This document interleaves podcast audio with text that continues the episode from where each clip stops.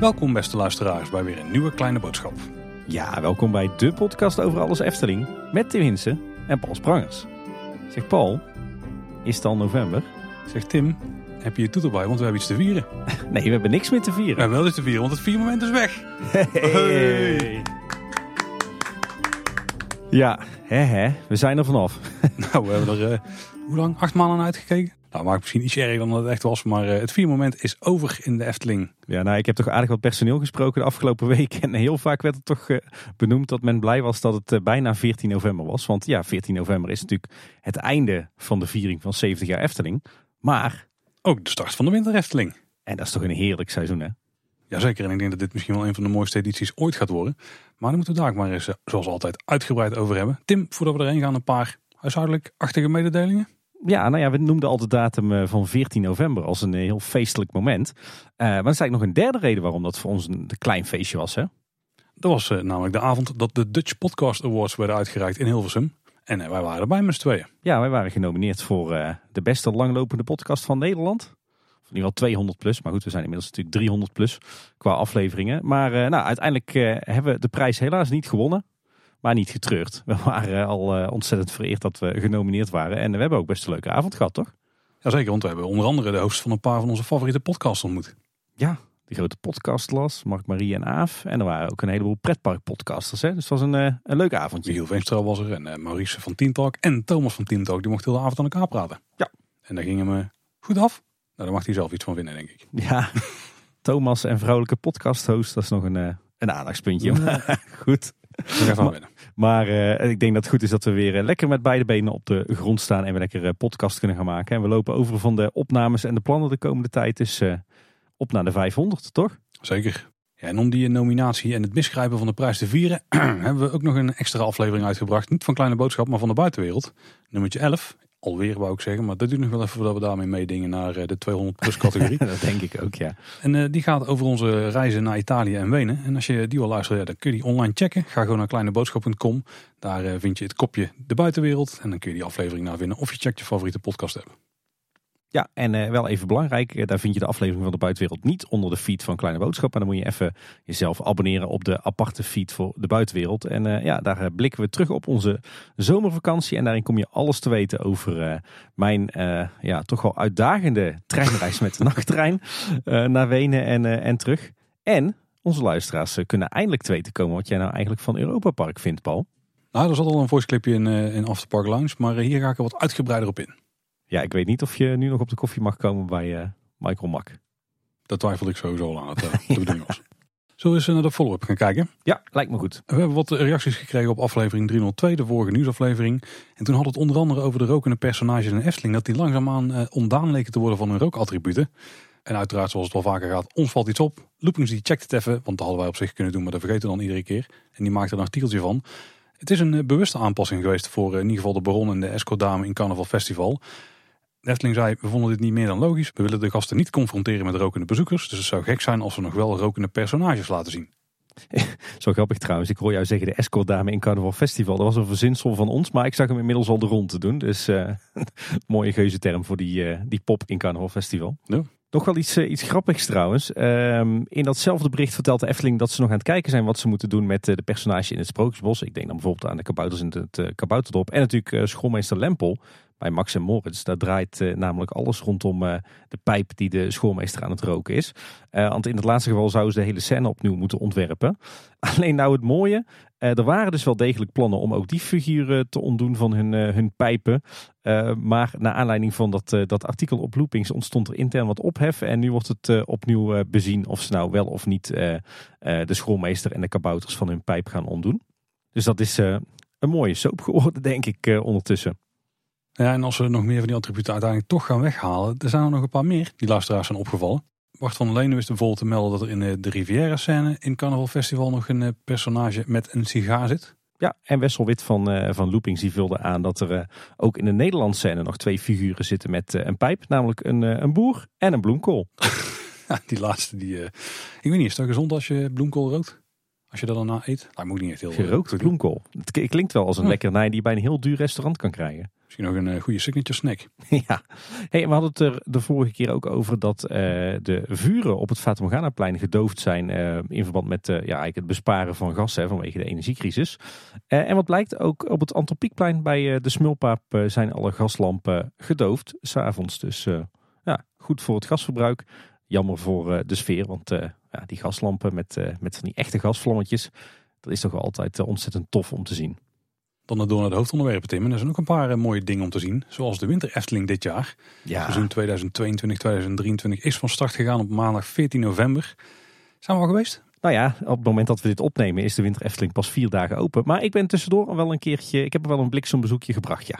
Heb bijna op maandag, maar dat is het laatste moment door mijn neus heen geboord. Dat is jammer. Ah, ik weet in ieder geval dat, ik, eh, dat we komend weekend voor het eerst eh, een volle dag gaan om uh, alles te bewonderen. Maar afgelopen week heb ik al snel een, uh, een bliksembezoekje gebracht om even de, de hoofdpunten te checken. Oh, wacht, ik besef net dat ik afgelopen dinsdag samen met jou ongeveer één voet in de Winter Efteling heb gezet. Misschien twee of drie. Nou, wel meer voeten. Ja, maar we zijn niet echt het park in geweest. Maar soort van wel. Niet een plek waar je kunt komen als je normaal gesproken het park loopt, dat zo zeggen. Wat een uh, goede teaser, uh, Paul. Ja, die komt pas ergens uit in uh, januari of februari, gok ik. nou, laten we eens gaan kijken naar de Winter Efteling. toch een evenement waar wij allebei denk ik een enorm zwak voor hebben. En ja, de Winter Efteling ziet er dit jaar weer net wat anders uit dan, vorige, dan de voorgaande jaren. De afgelopen twee jaar hadden we in de winter natuurlijk eh, nogal veel last van het eh, coronavirus. Met alle coronamaatregelen. En ja, je zag toch dat de Efteling net wat minder investeerde dan ze misschien in eerste instantie gepland hadden. Maar eh, dit jaar gaan ze weer helemaal los. En dat is goed te zien in het park. Jazeker, ja, ik denk dat het grootste element natuurlijk weer de warme winterweide is. Ja, de voorgaande jaren natuurlijk onze, onze favoriete plek, denk ik, in de winter Efteling. En de warme winterweide ziet er dit jaar weer net iets anders uit. Sowieso is de indeling van de warme winterweide voor mijn gevoel uh, nog wat geoptimaliseerd. Dus er is wat geschoven met, uh, met een, aantal, uh, een aantal elementen die we in de voorgaande jaren al op de weide zagen. Volgens mij is hij ook wat groter. En het, ja, de belangrijkste toevoeging is natuurlijk de toevoeging van een openlucht schaatsbaan. Zo is mooi gethematiseerd. Er zit boarding omheen met ook echt Eftelings erop en Efteling figuren. Het zijn wel gewoon printjes, hè, niet 3D, maar wel heel tof. Ja, en het leuke is dat je daarbij zeg maar, de, de klassieke Efteling figuren op de schaats ziet. En volgens mij zag ik ook een kleine boodschap op de schaats voorbij komen. Daar leek het wel heel erg op, ja. Nou, prachtig gedaan. Ook de boarding zelf is heel mooi gemaakt met, uh, met mooie bolletjes erop. En uh, hij uh, ja, doet heel erg Eftelings aan. En dat voor eigenlijk zo'n zo'n tijdelijke voorziening maar. Ja, maar ze gaan er wel vanuit, denk ik, hoop ik, dat ze meerdere jaren terug laten komen. Ja, overigens ook heel mooi is dat de hele schaatsbaan is omzoomd met, met naaldbomen die zijn ingesneeuwd. ook het chalet wat ernaast staat waar de schaats worden verhuurd ziet er prachtig uit. enorm groot ook. En ja, ik moet zeggen, het heeft ook wel effect. Want eh, op het moment dat, uh, dat ik mijn bliksembezoek aan de Efteling uh, bracht, was het park zo goed als uitgestorven. Maar de warme winterweide zat al hartstikke vol. En het was enorm druk op de schaatsbaan. Dus volgens mij wordt dit echt een groot succesnummer. Mooi. En iets wat ik trouwens zelf tijdens mijn bezoek niet heb gezien, maar wat ik wel zag op wat filmpjes, is dat er volgens mij dit jaar ook een, een sneeuwmachine staat op de warme winterweide. Die zo nu en dan een heuse sneeuwbui laat vallen op de warme winterweide. Oh, dat is wel heel tof. Wat we ook dit jaar niet hebben is de langlaufbaan, het Heigend Die lijkt er dit jaar niet te zijn. Ja, de afgelopen twee jaar was die er natuurlijk ook al niet hè, vanwege de, de coronacrisis en uh, waarschijnlijk een uh, kostenbesparing. Ik vroeg me af dat hij zou terugkeren nu corona het land uit is, maar ja, ze lijken er dit jaar toch voor gekozen hebben om hem nog niet terug te brengen. Heeft één voordeel, want dat betekent dat het kinderspoor gewoon open is. Ja. Je zou je dan misschien kunnen afvragen, uh, zijn de reiziger en de reizigster die we vinden op het pleintje voor het kinderspoor, uh, zijn die dan nu niet vervangen door de winterse versies met, uh, met de skis? Maar die zijn wel degelijk vervangen door de winterversie. Dus die trekken zich niks aan van die keuze van de Efteling. Je kunt je kiezen ook gewoon meenemen in de trein als je ergens naartoe gaat. Hè? Misschien gaan ze in Zwitserland langlopen. Het zou zomaar kunnen. Hoop niet in Oostenrijk. Maar dan moet je de buitenwereld elf maar even voor, ja. voor luisteren. Zoals we gaan kijken naar de overige winterdecoratie. Want het lijkt erop dat eh, de nieuwe ontwerper in het team van de Efteling, Bas van Rijsbergen, dat hij daar voor een groot deel verantwoordelijk voor is. En ik moet zeggen, van alles wat wij ervan hebben gezien, nou, dit is wel uh, heel tof hoor. Ja, sowieso vind ik het tof dat Efteling enorm uitpakt met, met zoveel nieuwe decoratie overal in het park. Dat had ik niet verwacht. Zoals gewoon eigenlijk net als een rondje onderuit beginnen bij het begin. Ja, ja, dan beginnen we denk ik bij de Padoespromenade. Want aan het begin van de Padoespromenade vinden we nieuwe vaandels in, uh, in blauwtinten met een soort glas in lood effect. En eh, in het midden van die vaandels vinden we een soort amulet in de vorm van een sneeuwvlok. En dat lijkt een beetje het beeldmerk te worden van, van de Winter Efteling vanaf dit jaar. Want zo'nzelfde amulet is ook opgehangen op de voorgevel van, van Symbolica. Ehm, heel tof trouwens, met uh, s'avonds ook lichteffecten. Ja, dit zou ook een mooie opmars kunnen zijn of een mooi detail kunnen zijn in een projectieshow. Daar lijkt me symbolica zo'n goed canvas voor. Absoluut, ja, met de projection mapping. Ja, daar hebben we niks van gehoord. Als dat zou komen, zou het wel al weten, denk ik. Nou, maar ik denk dat we dit, uh, dit sneeuwvlok-amulet heel vaak gaan tegenkomen in, in de Winter Efteling de komende tijd. En op zich wel een beetje, beetje armoedig. je hebt natuurlijk nu een tijdelijke spoorwegovergang hè, vanwege de bouw van het, het nieuwe hotel. Uh, en als je die oversteekt, ja, dan kom je eigenlijk een beetje in een kaal stukje. En daar hebben ze nu zo'n ja, soort plantenbak neergezet met de figuur Klein Duimpje in de lagerse van de Reus. Helemaal opgebouwd uit kerstlampjes. Um, de Efteling heeft heel veel van dat soort bakken met sprookjesfiguren gemaakt van kerstlampjes. Die zagen we in het verleden bijvoorbeeld op de Padoespromenade, maar ook op het voorplein van Bosrijk. Maar ze hebben hier nu eentje daar neergezet om het, het hoekje een beetje op te leuken. Een beetje? Nou, dat is op zich een beetje gelukt. Ja. Zullen we dan eens rechts afslaan richting Max en Moritz gaan? Dit was een plein, daar hing nog wat mysterie rondomheen. Er was een vergunning aangevraagd voor het plaatsen van ja, decoratieve objecten. Alleen, daar kwam maar niks, daar kwam maar niks, daar kwam maar niks. Tot afgelopen week. Toen kwam er in één keer best wel iets tofs eigenlijk. Ja, en we konden ons bijna niet voorstellen dat je daar een vergunning voor nodig hebt. Maar nu het er staat, uh, snap ik het wel. Want de Efteling heeft uh, ja, toch een soort van bouwwerk neergezet. Hè? Ja, er staat een, een soort boomhut. Die zit in het hoekje, zeg maar, in het plantsoentje wat uh, tussen de poort richting Piranha loopt en het pad richting ja, Dans Macabre dadelijk eigenlijk. In die hoek die daar ontstaat. En daar is een boom met verrezen en een skischans die daarvan afloopt. En die, die voert dan een beetje richting het stationsgebouw van Max Moritz. Dus als je af zou glijden, dan zou je zo die kant op gaan. Daar lijkt ook al iemand geprobeerd te hebben. Ja, precies. Want uh, exact tegenover die skischans, daar zien we een slee die te pletter is geslagen tegen de voorgevel van het stationsgebouw van Max Moritz. Dus het, eh, het lijkt hier toch op dat eh, het Max en Moritz zelf zijn die eh, de boomhut en de skischans hebben gebouwd. Is trouwens prachtig uitgevoerd, mooi gedecoreerd met, met allerlei kippen die we natuurlijk kennen van vrouw Botteskuge. Met wat tonnetjes, helemaal mooi ingesneeuwd. Maar ook bijvoorbeeld met een aantal ludieke bordjes waarop Max en Moritz zoeken naar testpiloten. Dat is heel tof gedaan. En verder vinden we op het stationsgebouw van Max en Moritz ook een heleboel sneeuwballen die als het ware tegen het gebouw aan zijn gegooid. Dus ja, dan wordt hier echt een beetje het, het verhaal uitgebeeld dat Max en Moritz ook in de winter de nodige streken uithalen. Ja. Ja, en Bekkerij Krumel is er ook bij betrokken. Want daar is een open houten kast met skis tegen aangeplaatst. Helemaal in thema, ook helemaal in dezelfde kleuren van de bakkerij. En eh, de ruiten die waren tijdelijk even bevroren. En Max en Moritz die hadden daar met hun vingers aan teksten en plaatjes en zo ingeschreven. Waaronder pretzels van bar en vies bij stond. Dat klopt volgens mij helemaal niet. Dus een beetje onzin. Uh, alleen die folie die lijkt een beetje losgelaten te hebben. Die is inmiddels weer verwijderd. Ik hoop dat hij wel weer terugkomt, want het was wel een tof effect. Ik vond het uh, heel erg tof gedaan, ja. Ja, Maximo speelde volgens mij ook uh, drie op een rij op de bevroren ruit, wat ik zo zag. Heel tof gedaan. Misschien wel een beetje meegevoerd in de, de stijl van Maximoris. Maar ik denk dat dit wel de mooie balans is tussen dat, die Maximoris grappen en gollen en toch wel een beetje de Efteling sfeer. Ja, en wat ik ook wat ik vooral zo mooi vind aan de decoratie, de winterdecoratie op het Max en Moritzplein, is dat het zo goed aansluit bij de storytelling in dit gebied. En dat het op zichzelf ook weer een verhaal vertelt. Hè. Het, het borduurt eigenlijk voor op het bestaande verhaal, maar dan de winterse versie als het ware. Ja. Heel tof gedaan. Nou, we kruisen wel even bijna het halve park, Tim. We gaan het Carnaval Festivalplein voor de volgende extra toevoegingen. Ja, ook ontzettend gaaf. Hier eh, vinden we namelijk eh, een aantal sneeuwpoppen uit de attractie. We weten dat er eentje Piotr heet. Hoe de rest heet eh, weten we niet. Misschien zijn het allemaal wel Piotters. maar dat zijn natuurlijk de sneeuwpopjes die je kent uit de Alaska-scène. Of eigenlijk als je vanuit de Alaska-scène naar de Afrika-scène toe gaat. Dan heb je die sneeuwpopjes die een beetje op en neer jojoen en die door het wak naar beneden kijken. Nou, die vinden we nu terug op en rond het Carnaval Festivalplein. Uh, zo zijn er twee sneeuwpopjes te vinden die in een boom zitten. Althans, er zit er eentje in een boom.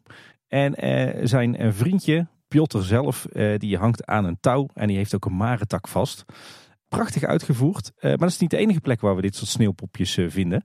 Want ook boven de ingang van de meandering van Carnaval Festival is zo'n sneeuwpopje verstopt. Gaat de Piotr nou open neer of niet?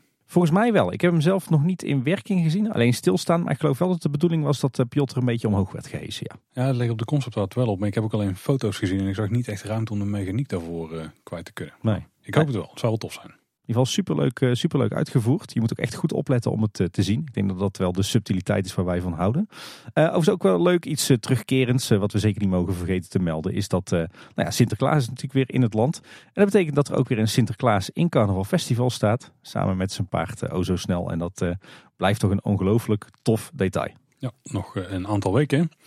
Dan door naar het Sprookjesbos. Ja, daar is onze, onze naamgever in winterse uitvoering te vinden. Ja, voor het eerst. Ja, zeker. Met de winterse muts en een, een omslagdoek. Ik lees je dat aan. Stola heet Tim. Ja, volgens mij is dat een stola.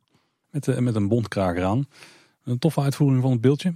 Uh, de wachter bij Doorn Roosje die heeft een nieuwe cape. En daar zit ook een, een hele toffe gedetailleerde sluiting op. Ook een beetje zo'n zegel, maar dan met de roosvorm. Uh, er is ook een nieuwe ijsmuts en sjaal voor langnek. Ja, ja Tim.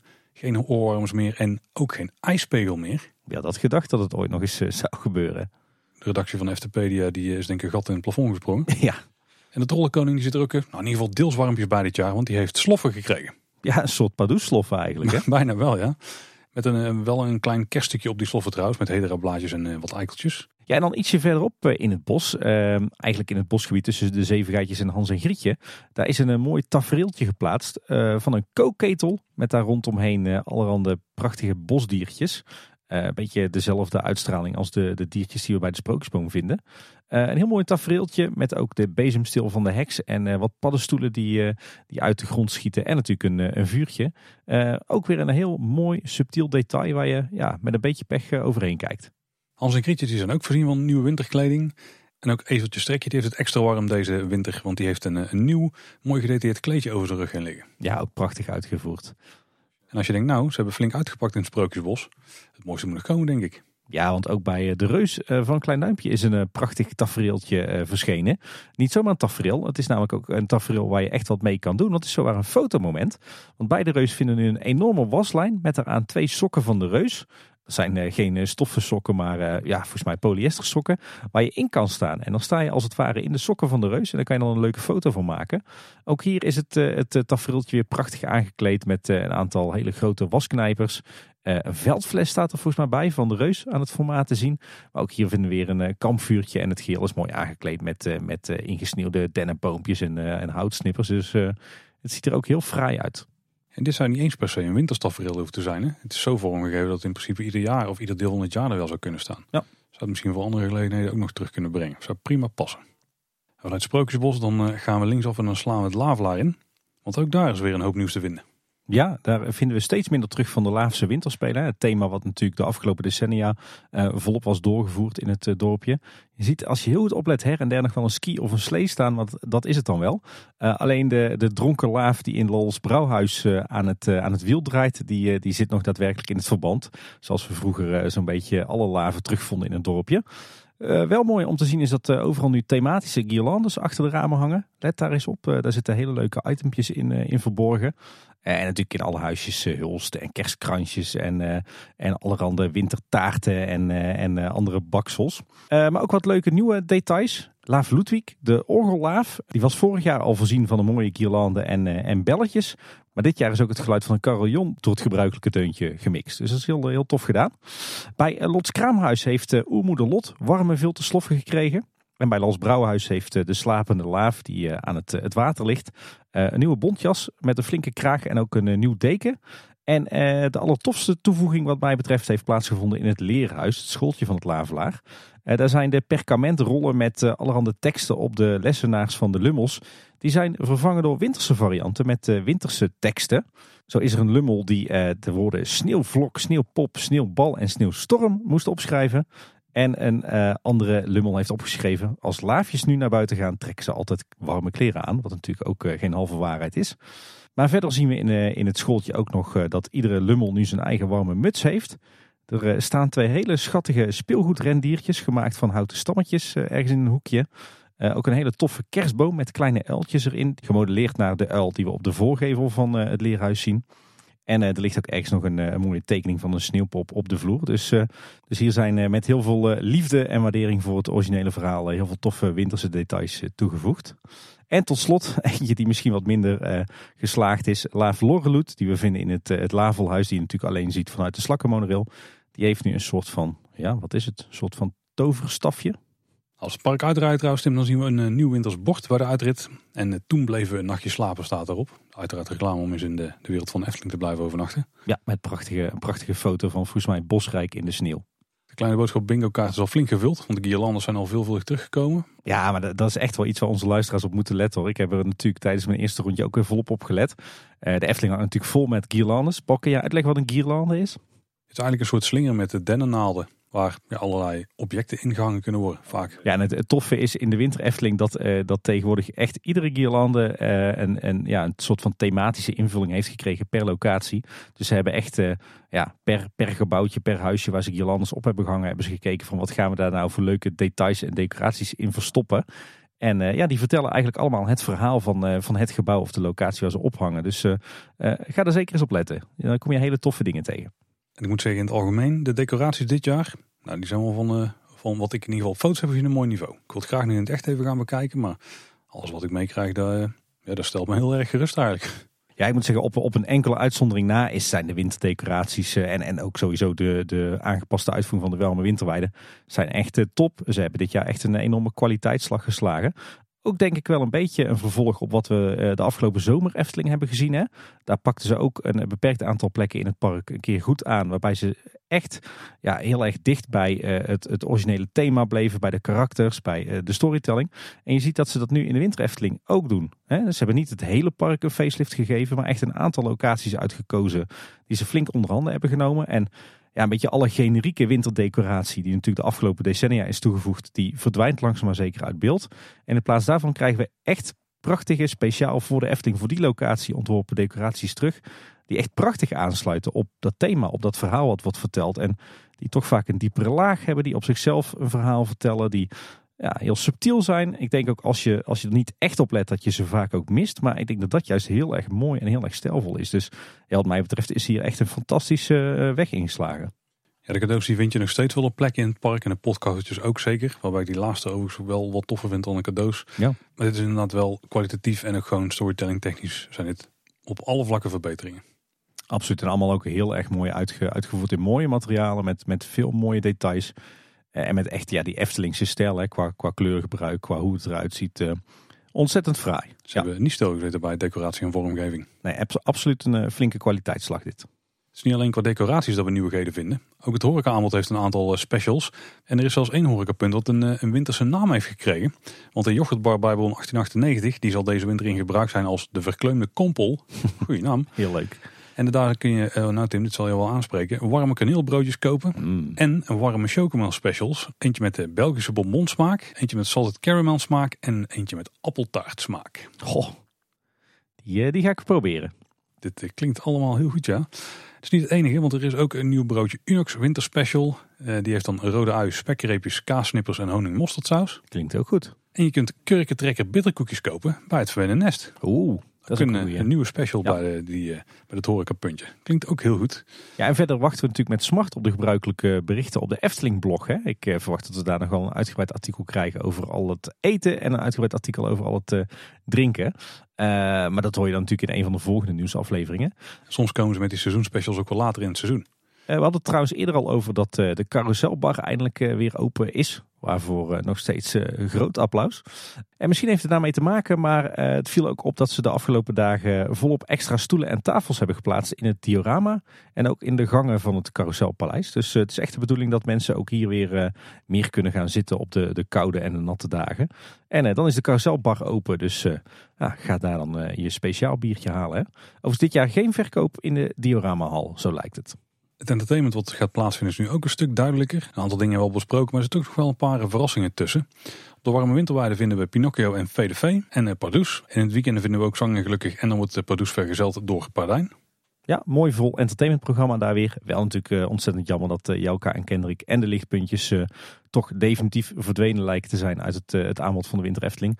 Wat toch wel twee persoonlijke favorietjes waren. Maar goed, je kan niet alles hebben. Misschien komen er nieuwe favorietjes terug, Tim. Want Virginie en Otto Charlatan, die zouden we nog in het park moeten gaan zien bij Dans Macabre. Die heb ik zelf nog niet gespot. Nee, ik ook nog niet. Wel, wel volgens mij de plek waar ze gaan optreden, maar daarover later meer.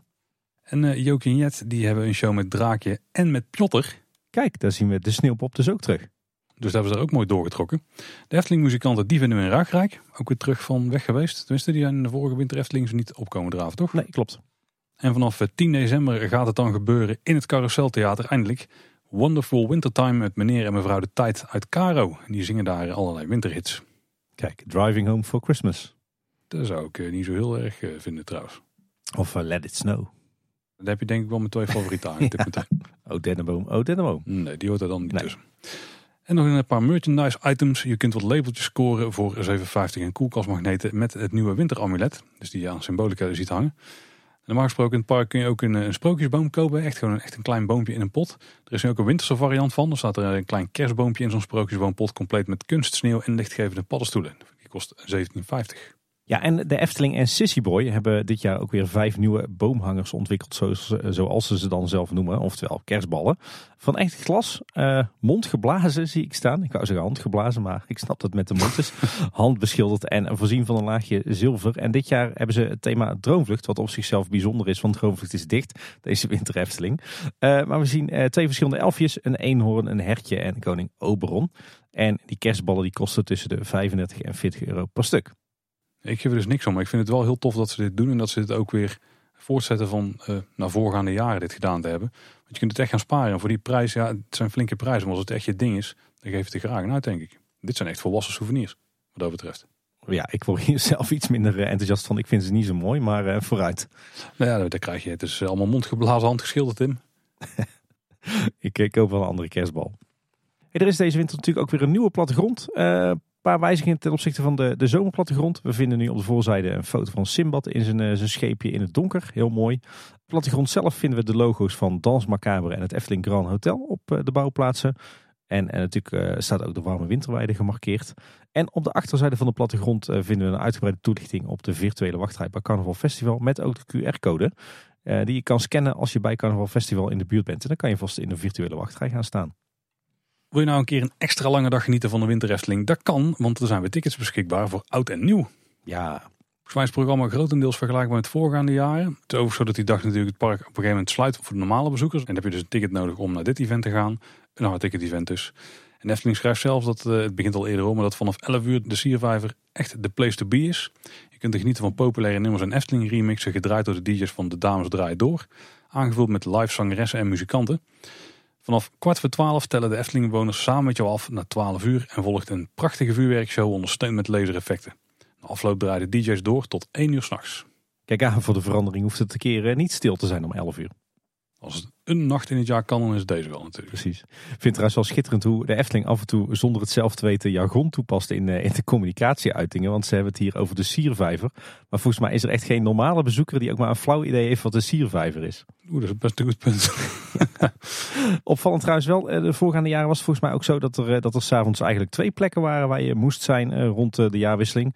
De siervijver, oftewel de Gondoletta vijver en de Aquanura vijver bij Fata Morgana, het Warrelplein. Ehm, maar dit jaar doet de Aquanura Vijver niet mee. En uh, met een goede reden denk ik, want de capaciteit is daar natuurlijk een stuk minder nu daar wordt gebouwd aan het Efteling Grand Hotel. Er zijn nu in de Efteling wel een aantal dagen dat je als abonnementhouder niet naar binnen kunt. In ieder geval met je abonnement. Uh, we wisten al dat de 20, 26 en 27 november een aantal van die dagen zijn. Maar ook 3, 10 en 11 december. En in 2023 hebben de datums nu ook te horen gekregen. 22, 28 en 29 januari, 11 en 12 februari en 11, 12, 25 en 26 maart zijn dagen dat je Efteling abonnement niet geldig is. Kan nog veranderen. Check het sowieso even goed van tevoren op de site van Efteling of dat het nog zo is. Het kan wel eens zijn dat er een dagje wegvalt, maar dit is allemaal uh, ja, binnen een paar maanden en dan gebeurt het toch meestal niet dat het nog wordt geschrapt. Ja, nou, ik, ik hoop toch dat er een paar dagen nog wegvallen. Want anders zijn er gewoon 15 weekenddagen dat we niet naar de winterefteling kunnen, Paul. Er zijn er vrij veel. Behoorlijke aderlating eh, toch wel. Ja, het staat in het abonnementvoorwaarde hè, dat er een uh, bepaald aantal dagen per jaar is dat het uh, zo kan zijn. Nou, laten we dan uh, maar door de week zoveel mogelijk gaan. Ik denk dat we in een latere aflevering nog wel even terugkomen op onze ervaringen als we het echt allemaal in volle glorie hebben mogen meemaken. Met name het entertainment. Oh, ik ben heel benieuwd ook naar die winterse, ja, dit is niks voor mij.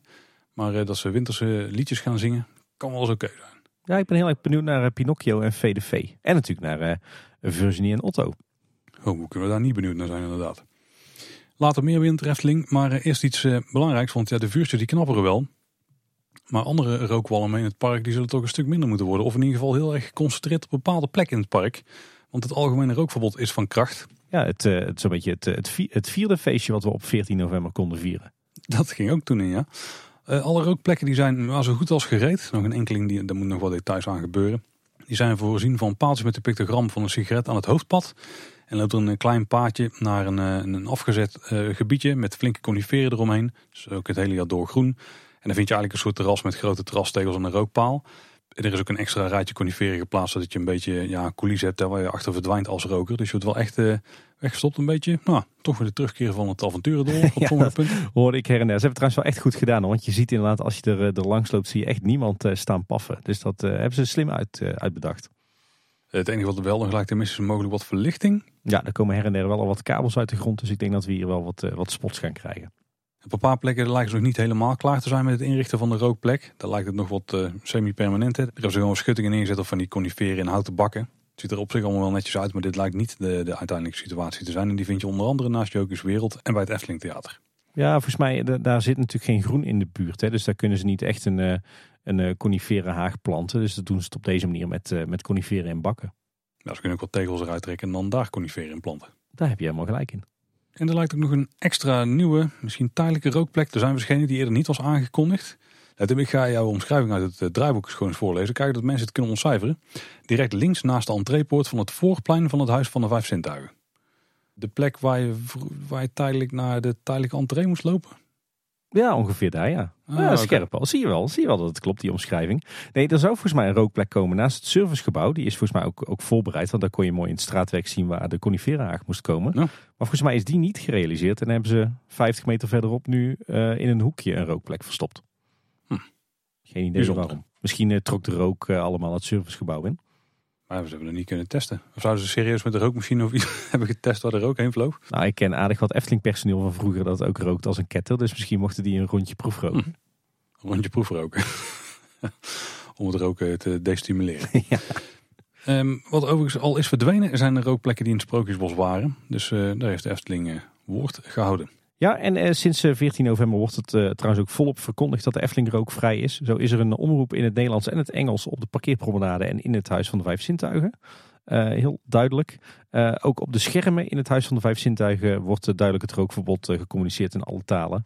En de, de rookplekken in het park die zijn inmiddels toegevoegd aan de app en ook de digitale plattegrond daarin. Dus ja, het zou toch duidelijk moeten zijn dat je in de Efteling zelf niet meer mag roken en dat je naar de rookplekken moet. Ik heb het zelf dus nog niet in het park live meegemaakt. Jij wel? Of dat, het werkt dus? Want... Ja. Ja, ik wel. Ik wel. Nou ben ik natuurlijk op een doordeweekse rustige dag uh, even een paar uurtjes geweest. Het lijkt wel te werken. Het viel mij op dat, uh, dat eigenlijk alle rookplekken wel uh, aardig worden gebruikt. Ik vond het eigenlijk al best wel druk. Dus ik ben benieuwd hoe dat gaat op de echt drukke dagen. Ik heb ja, op, op een paar uur tijd één of twee rokers gezien die echt nog in het park zelf aan het roken waren. Ja goed, die mensen heb je natuurlijk altijd en die, die zullen aangesproken moeten gaan worden. Maar het viel mij niks tegen. Ik denk dat het ook vooral een kwestie van gewenning is hoor, bij de meeste mensen. Ja, vooral de mensen die er regelmatig komen. Valt me mee in ieder geval dat er verder weinig ophef meer is geweest. Ondanks dat er ook een, nog een groot artikel over in het Brabants Dagblad heeft gestaan afgelopen week. Maar ja, de publieke opinie lijkt wel erg positief te zijn rond dit besluit. Nou, mooi.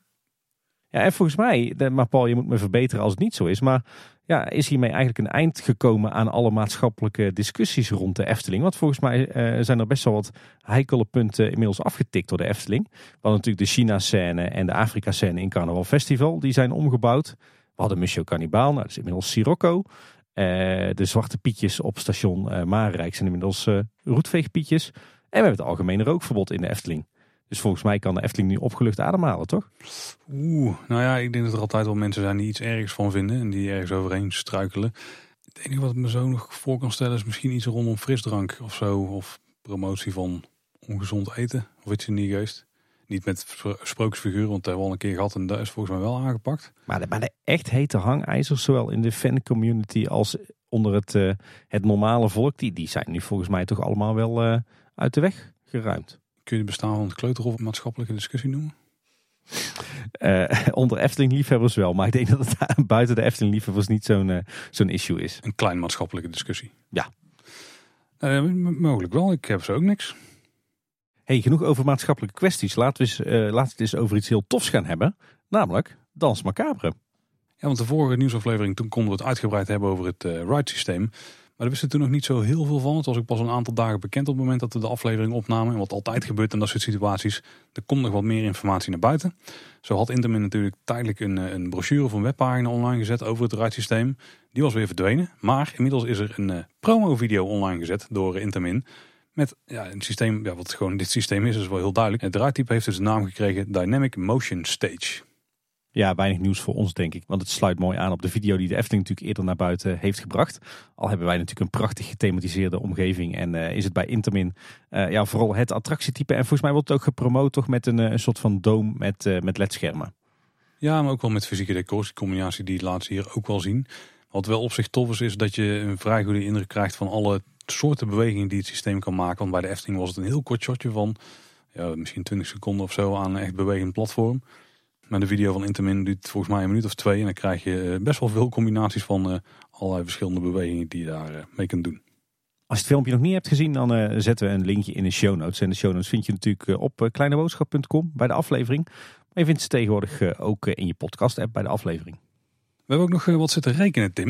Want de capaciteit van het attractietype was namelijk bekend. 1250 mensen werd er geopperd. Dat is ook wat Intermin zelf communiceert in een video. En toen zijn we eens even gaan nadenken. Wat zou dat nou betekenen qua ritduur? Want we weten dat er 108 mensen mee kunnen in een ritje. Je hebt de capaciteit van 1250 personen per uur. Dat betekent dat de cycletijd, dus uh, zeg maar de totale duur die nodig is voor de rit, maar ook het in- en het uitladen, ongeveer 5 minuten en 10 seconden zou moeten zijn. Afgerond op op 1 of 2 seconden. En toen heb ik nog eens wat anders uitgezocht, namelijk de, de lengte van de nieuwe versie, de recente uitgebrachte versie door de Efteling van Dans Macabre. En die blijkt 3 minuten 48 te zijn. Dat is veel korter dan ik gevoelsmatig dacht. Ik heb ook gekeken in eh, de huidige show en dat duurt hij ook niet heel veel langer dan dat hoor. Dus, uh, de, de, voormalige show bedoel je, denk ik. Uh, de voormalige show van het Spookslot inderdaad. Daar heb je natuurlijk best wel een lang introductiestukje nog. En je hebt ook nog de storm aan het einde zeg maar, die ook niet echt in het, of de storm, het onweer aan het einde, wat ook niet echt in het nummer zelf zit. En als je dat er allemaal afhaalt, dan blijft er ook niet heel veel meer over dan dit. Maar ja, we hebben dus 3 minuten 48. Dat past makkelijk in 5 minuten 10. Wat dan de cycletijd zou worden bij de optimale capaciteit. In principe, want die 1250 is de maximale theoretische uurlijke capaciteit. En dan zou er ongeveer 80 seconden overblijven voor de load en unload. Nou is dat in realiteit vrij krap, denk ik. Want 80 seconden om 108 mensen die schijf op te krijgen, in te krijgen, beugels te controleren. Dat is ambitieus. Maar laat het er een minuutje uh, meer duren. Wat dan denk ik wel realistisch is. Dan zit je qua capaciteit nog niet eens extreem slecht. En dan, dan kan je het vergelijken met andere attracties in het park. Bijvoorbeeld de Baron, die denk ik een vergelijkbaar... Uh, Oké, die zit misschien qua doelgroep nog net iets in de, de meer thrill-seekers. Maar ook voor acht jaar en ouder in principe. Uh, ik zag laatst op de werken bij de Efteling Instagram account... dat ze daar uh, een soort feitje hadden dat ze 41 dispatches per uur deden bij de Baron. En als je dan 18 personen in een voertuig kan zetten daar... dat betekent dat je een capaciteit hebt van 756 personen per uur. En die 41, daar waren ze echt heel trots op, zeg maar. Dus het zal niet vaak heel veel hoger zijn dan dat. Nee. Dus ja, dan heb je toch een attractie met Dans van Kamer die in theorie ongeveer 500 mensen meer per uur, dus, dus een, een dikke 66 procent, door erin kan draaien. Dat is toch niet slecht? Nee, dan valt die capaciteit van 1250 eh, toch eh, niet heel erg tegen, nee. Nou is het natuurlijk wel zo dat dit dan denk ik optimaal is. Want die nogmaals, als dit dus het geval is, dus dat ze echt die hele 3 minuten 48 van Dans Macabre gaan vullen met rit. Eh, en dan dus nog maar 80 seconden hebben voor de load-unload nogmaals heel ambitieus. Nou, misschien uh, als we er iets langer over doen, dan wordt de capaciteit dus wel iets lager. Dan gaat het misschien naar 1100 of zo. Maar dat is nog steeds een stuk beter dan de bron. Ik zeg uh, Duitse medewerkers aannemen daar. Ja, nou, nou. als ze ergens nog mogen zijn, dan is het misschien wel bij een, uh, een beetje creepy attractie. Maar... ja. En trouwens niet iets grappigs. Volgens mij was er één of meerdere Efteling-liefhebbers opgevallen dat de familie van Virginie, uh, charlatan, de naam charlatan draagt. Maar Otto heet ook charlatan. Dus mensen vroegen zich af, hey, dit kan toch niet kloppen in je storytelling? Maar de Efteling had daar een verklaring voor. Um, Otto die is getrouwd met Virginie en die heeft daarbij de familienaam van Virginie aangenomen. Dus charlatan. Dus uh, Otto uh, was zijn tijd uh, flink vooruit. Ja, best modern eigenlijk. Ja, hebben ze goed, goed rechtgebreid. Ik denk dat we kunnen gaan kijken naar de stand van zaken van de sloop op dit moment nog. Want de bouw zelf, daar zien we nog niet zoveel van natuurlijk. Eerst even wat weghalen voordat we daarin kunnen starten. Ja, het hoofdgebouw. Ik denk eigenlijk op het moment dat de aflevering uitkomt dat het hoofdgebouw van Spookslot gewoon weg is. Ja, dan uh, ligt het uh, denk ik helemaal plat. We zagen natuurlijk de afgelopen weken dat ze lang bezig zijn geweest met het, uh, het slopen van het showgebouw waar de hoofdshow in zat. Hè. En dan nog best wat tijd in beslag, omdat er ook verrassend veel gewapend beton in zat. Maar ze zijn deze week eindelijk begonnen aan de voorgevel en ook de, de ruimtes die er direct achter liggen. Dus denk dan aan de, de voormalige wachtrij, de ronde zaal met de Vlederikken en ook de grote toren uiteindelijk. Mocht je dat nou van dag tot dag willen volgen, dan maakt Eftel Wesley echt prachtige video's van de sloop. Die vind je per dag op zijn YouTube kanaal. We zullen er even naar linken. Maar ook Giertje64, een twitteraar waar wij, die wij heel graag volgen. Die had een prachtige diepgravende analyse van het, de laatste fase van de sloop. En al vooral wat er eigenlijk allemaal tevoorschijn kwam. op het moment dat het gebouw langzaam beetje bij beetje werd, werd opgegeten door de kraan van Gubbels. een heel interessant draadje op Twitter. Ook daar zullen we naar linken in de show notes. En, en daar vielen nog een, eh, een aantal zaken in op. Ja, je hebt namelijk het, het hoofd met die snor hè, die boven de voormalige entreebogen ehm, zat. Die lijkt gespaard te zijn en apart gelegd te zijn. Iemand uh, die plaatste daar misschien terecht de opmerking dat hij wel heel erg op Dre Broeders lijkt. ja, ja, maar ze wisten misschien 44 eh, jaar geleden nog niet hoe Dre Broeders eruit zou gaan zien 44 jaar later. dat is ook weer zo. Of zo alle voorspellende gaven, dus maakt het nog meer luguber. Creepy, ja. Uh, ook die panelen met die duivelsfiguren die we in de nissen van de ronde zaal zagen, die zijn voor de sloop verwijderd. Ja, en een mysterie, want verdwijnt de hele toren wel? Want eh, diezelfde Giertje 64 die heeft een bouwvakker gespot dat uh, die een document in handen had met daarop de titel Slooplijn Ronde Toren. Ja, ja, of dat er exact stond is niet helemaal duidelijk, want er zat wel een hand voor de helft van de titel. Maar was een slooplijn? Ja, dat is volgens mij ook niet per se een, een, een, vast begrip in de bouw. Maar het lijkt erop alsof er een, een, punt is tot waar ze die toren slopen en dat de rest blijft staan. Maar goed, als ik inmiddels de bouwfoto's bekijk, dan verdwijnt de toren toch voor een heel eind. Misschien dat we de voet van de toren terug gaan zien in het terrein of in het, het uiteindelijke showgebouw. Zo, slooplijn of wat dan ook onder zijn hand mag staan, zou dat niet gewoon het plan zijn om die toren neer te halen? Hoe ze dat stapgewijs doen? Nou, daar lijkt niet heel veel spannend beleid achter te zitten als ik de, de bouwfoto's en video's zie. Nee, ik vind dat die kraanmachine er toch wel met aardige structuur doorheen gaat. Ja, die doen daar vaker hè. Dat mag ik hopen. Nou, we gaan het denk ik eh, de komende dagen zien. Want uh, het zal niet heel, uh, heel veel langer meer duren tot uh, alles plat ligt. Alhoewel daarna natuurlijk ook nog wel een tijdje gaat duren voordat al dat puin is afgevoerd. de kelder en de funderingen uit de grond zijn gehaald. En het uiteindelijk allemaal bouwrijp is. Rekenen ook nog maar een maandje voor. Maar er staat weinig meer overeind. Trouwens ook weer nieuw asfalt verschenen Tim. Tussen het Max Mortplein, Dans Macabre en een stukje van het Piranhaplein. Dit is gelegd na het afronden van die werkzaamheden van de kabels en leidingen lijkt het op. En dit is misschien ook wel het asfalt waar wij straks overheen gaan lopen in de toekomst. Ja, lijkt mij wel. Ik zag inderdaad wat vragen van waarom wordt hier zo'n enorme plak asfalt eh, neergelegd. Maar het is natuurlijk de afgelopen weken allemaal opengebro opengebroken geweest om een, een nieuw tracé van kabels en leidingen neer te leggen. En ja, logisch als je daar klaar mee bent dat het, het plein weer hersteld wordt. Ja, het, is zo, het ligt er zo netjes in dat dit gewoon de definitieve eh, verharding naar lijkt te zijn. Ja, ja, wel opvallend iedere keer weer dat de Efteling toch voor asfalt kiest. Je zou zeggen, gaan ze niet op termijn al het asfalt eh, uit het park verbannen en overal een mooie elementverharding aanbrengen. Maar ja, nee, asfalt, daar ontkomen we toch niet aan. Ja, wat ook, er lijkt toch wel ergens aan een soort van bouw begonnen te zijn. Want uh, we krijgen natuurlijk een nieuw facilitair gebouw daar, hè, waar een winkeltje in komt te zitten, waar toiletten in komen te zitten en wat backstage ruimtes. En daar lijkt de bouwput al voor uitgegraven te zijn. Ja, en daarbij lijkt het uh, alsof het, uh, het uh, oude terras van het Silent Vergat met die, die mooie klinkertjes en die prachtige beukenbomen, maar ook de, de staanders van de tafels en de bankjes, dat die gewoon blijven liggen. Ja, zou dat, dat worden hergebruikt? Ik had er eigenlijk niet verwacht. Ik had verwacht dat een stukje backstage zou worden, maar ja. blijkbaar niet. Ik hoop het, want meer terrassen is nooit verkeerd, denk ik. Ja, en dit is ook wel logisch is als ze deze bouw naar voren trekken. Hè, want ze hebben hier natuurlijk echt wel behoefte aan een, een toiletgroep. Ja, maar de ingang ervan komt wel aan de andere kant te zitten dan heb je er niet veel aan. Of ze moeten de bouwschutting weer omzetten. Ja, of je moet omlopen. Oh, je bedoelt uh, terwijl Dans Macabre nog gebouwd wordt, ja. zeg maar. Ja, dat zou kunnen. Ja, ze zouden wel toegankelijk kunnen maken. Als de schutting gewoon verzetten tot aan de rand van dat stukje. Ja, ik ben benieuwd of we hier uh, weer een soort aangeklede unit krijgen. Hè? Zoals bijvoorbeeld het servicegebouw aan, uh, aan de parkeerpromenade. Of dat we hier echt een mooi gemetseld gebouwtje krijgen. Nee, het wordt een gemetseld gebouw. Zouden de reliefjes terugkomen? Van het mannetje en het vrouwtje? Oeh, dat is een goede vraag. Ze zijn afgemald, dus uh, ik, uh, ik durf er wel geld op in te zetten. Ja, dat is wel tof detail zijn. Nou, laat het hopen. Hey, ook bij uh, Dans Macabre zijn nu hele mooie bouwborden geplaatst. Die zijn bevestigd op de nieuwe houten bouwschutting. Eentje op het uiteinde van de Spiegellaan. Um, zeg maar vlak voor het punt waar je links moet richting Baron 1898.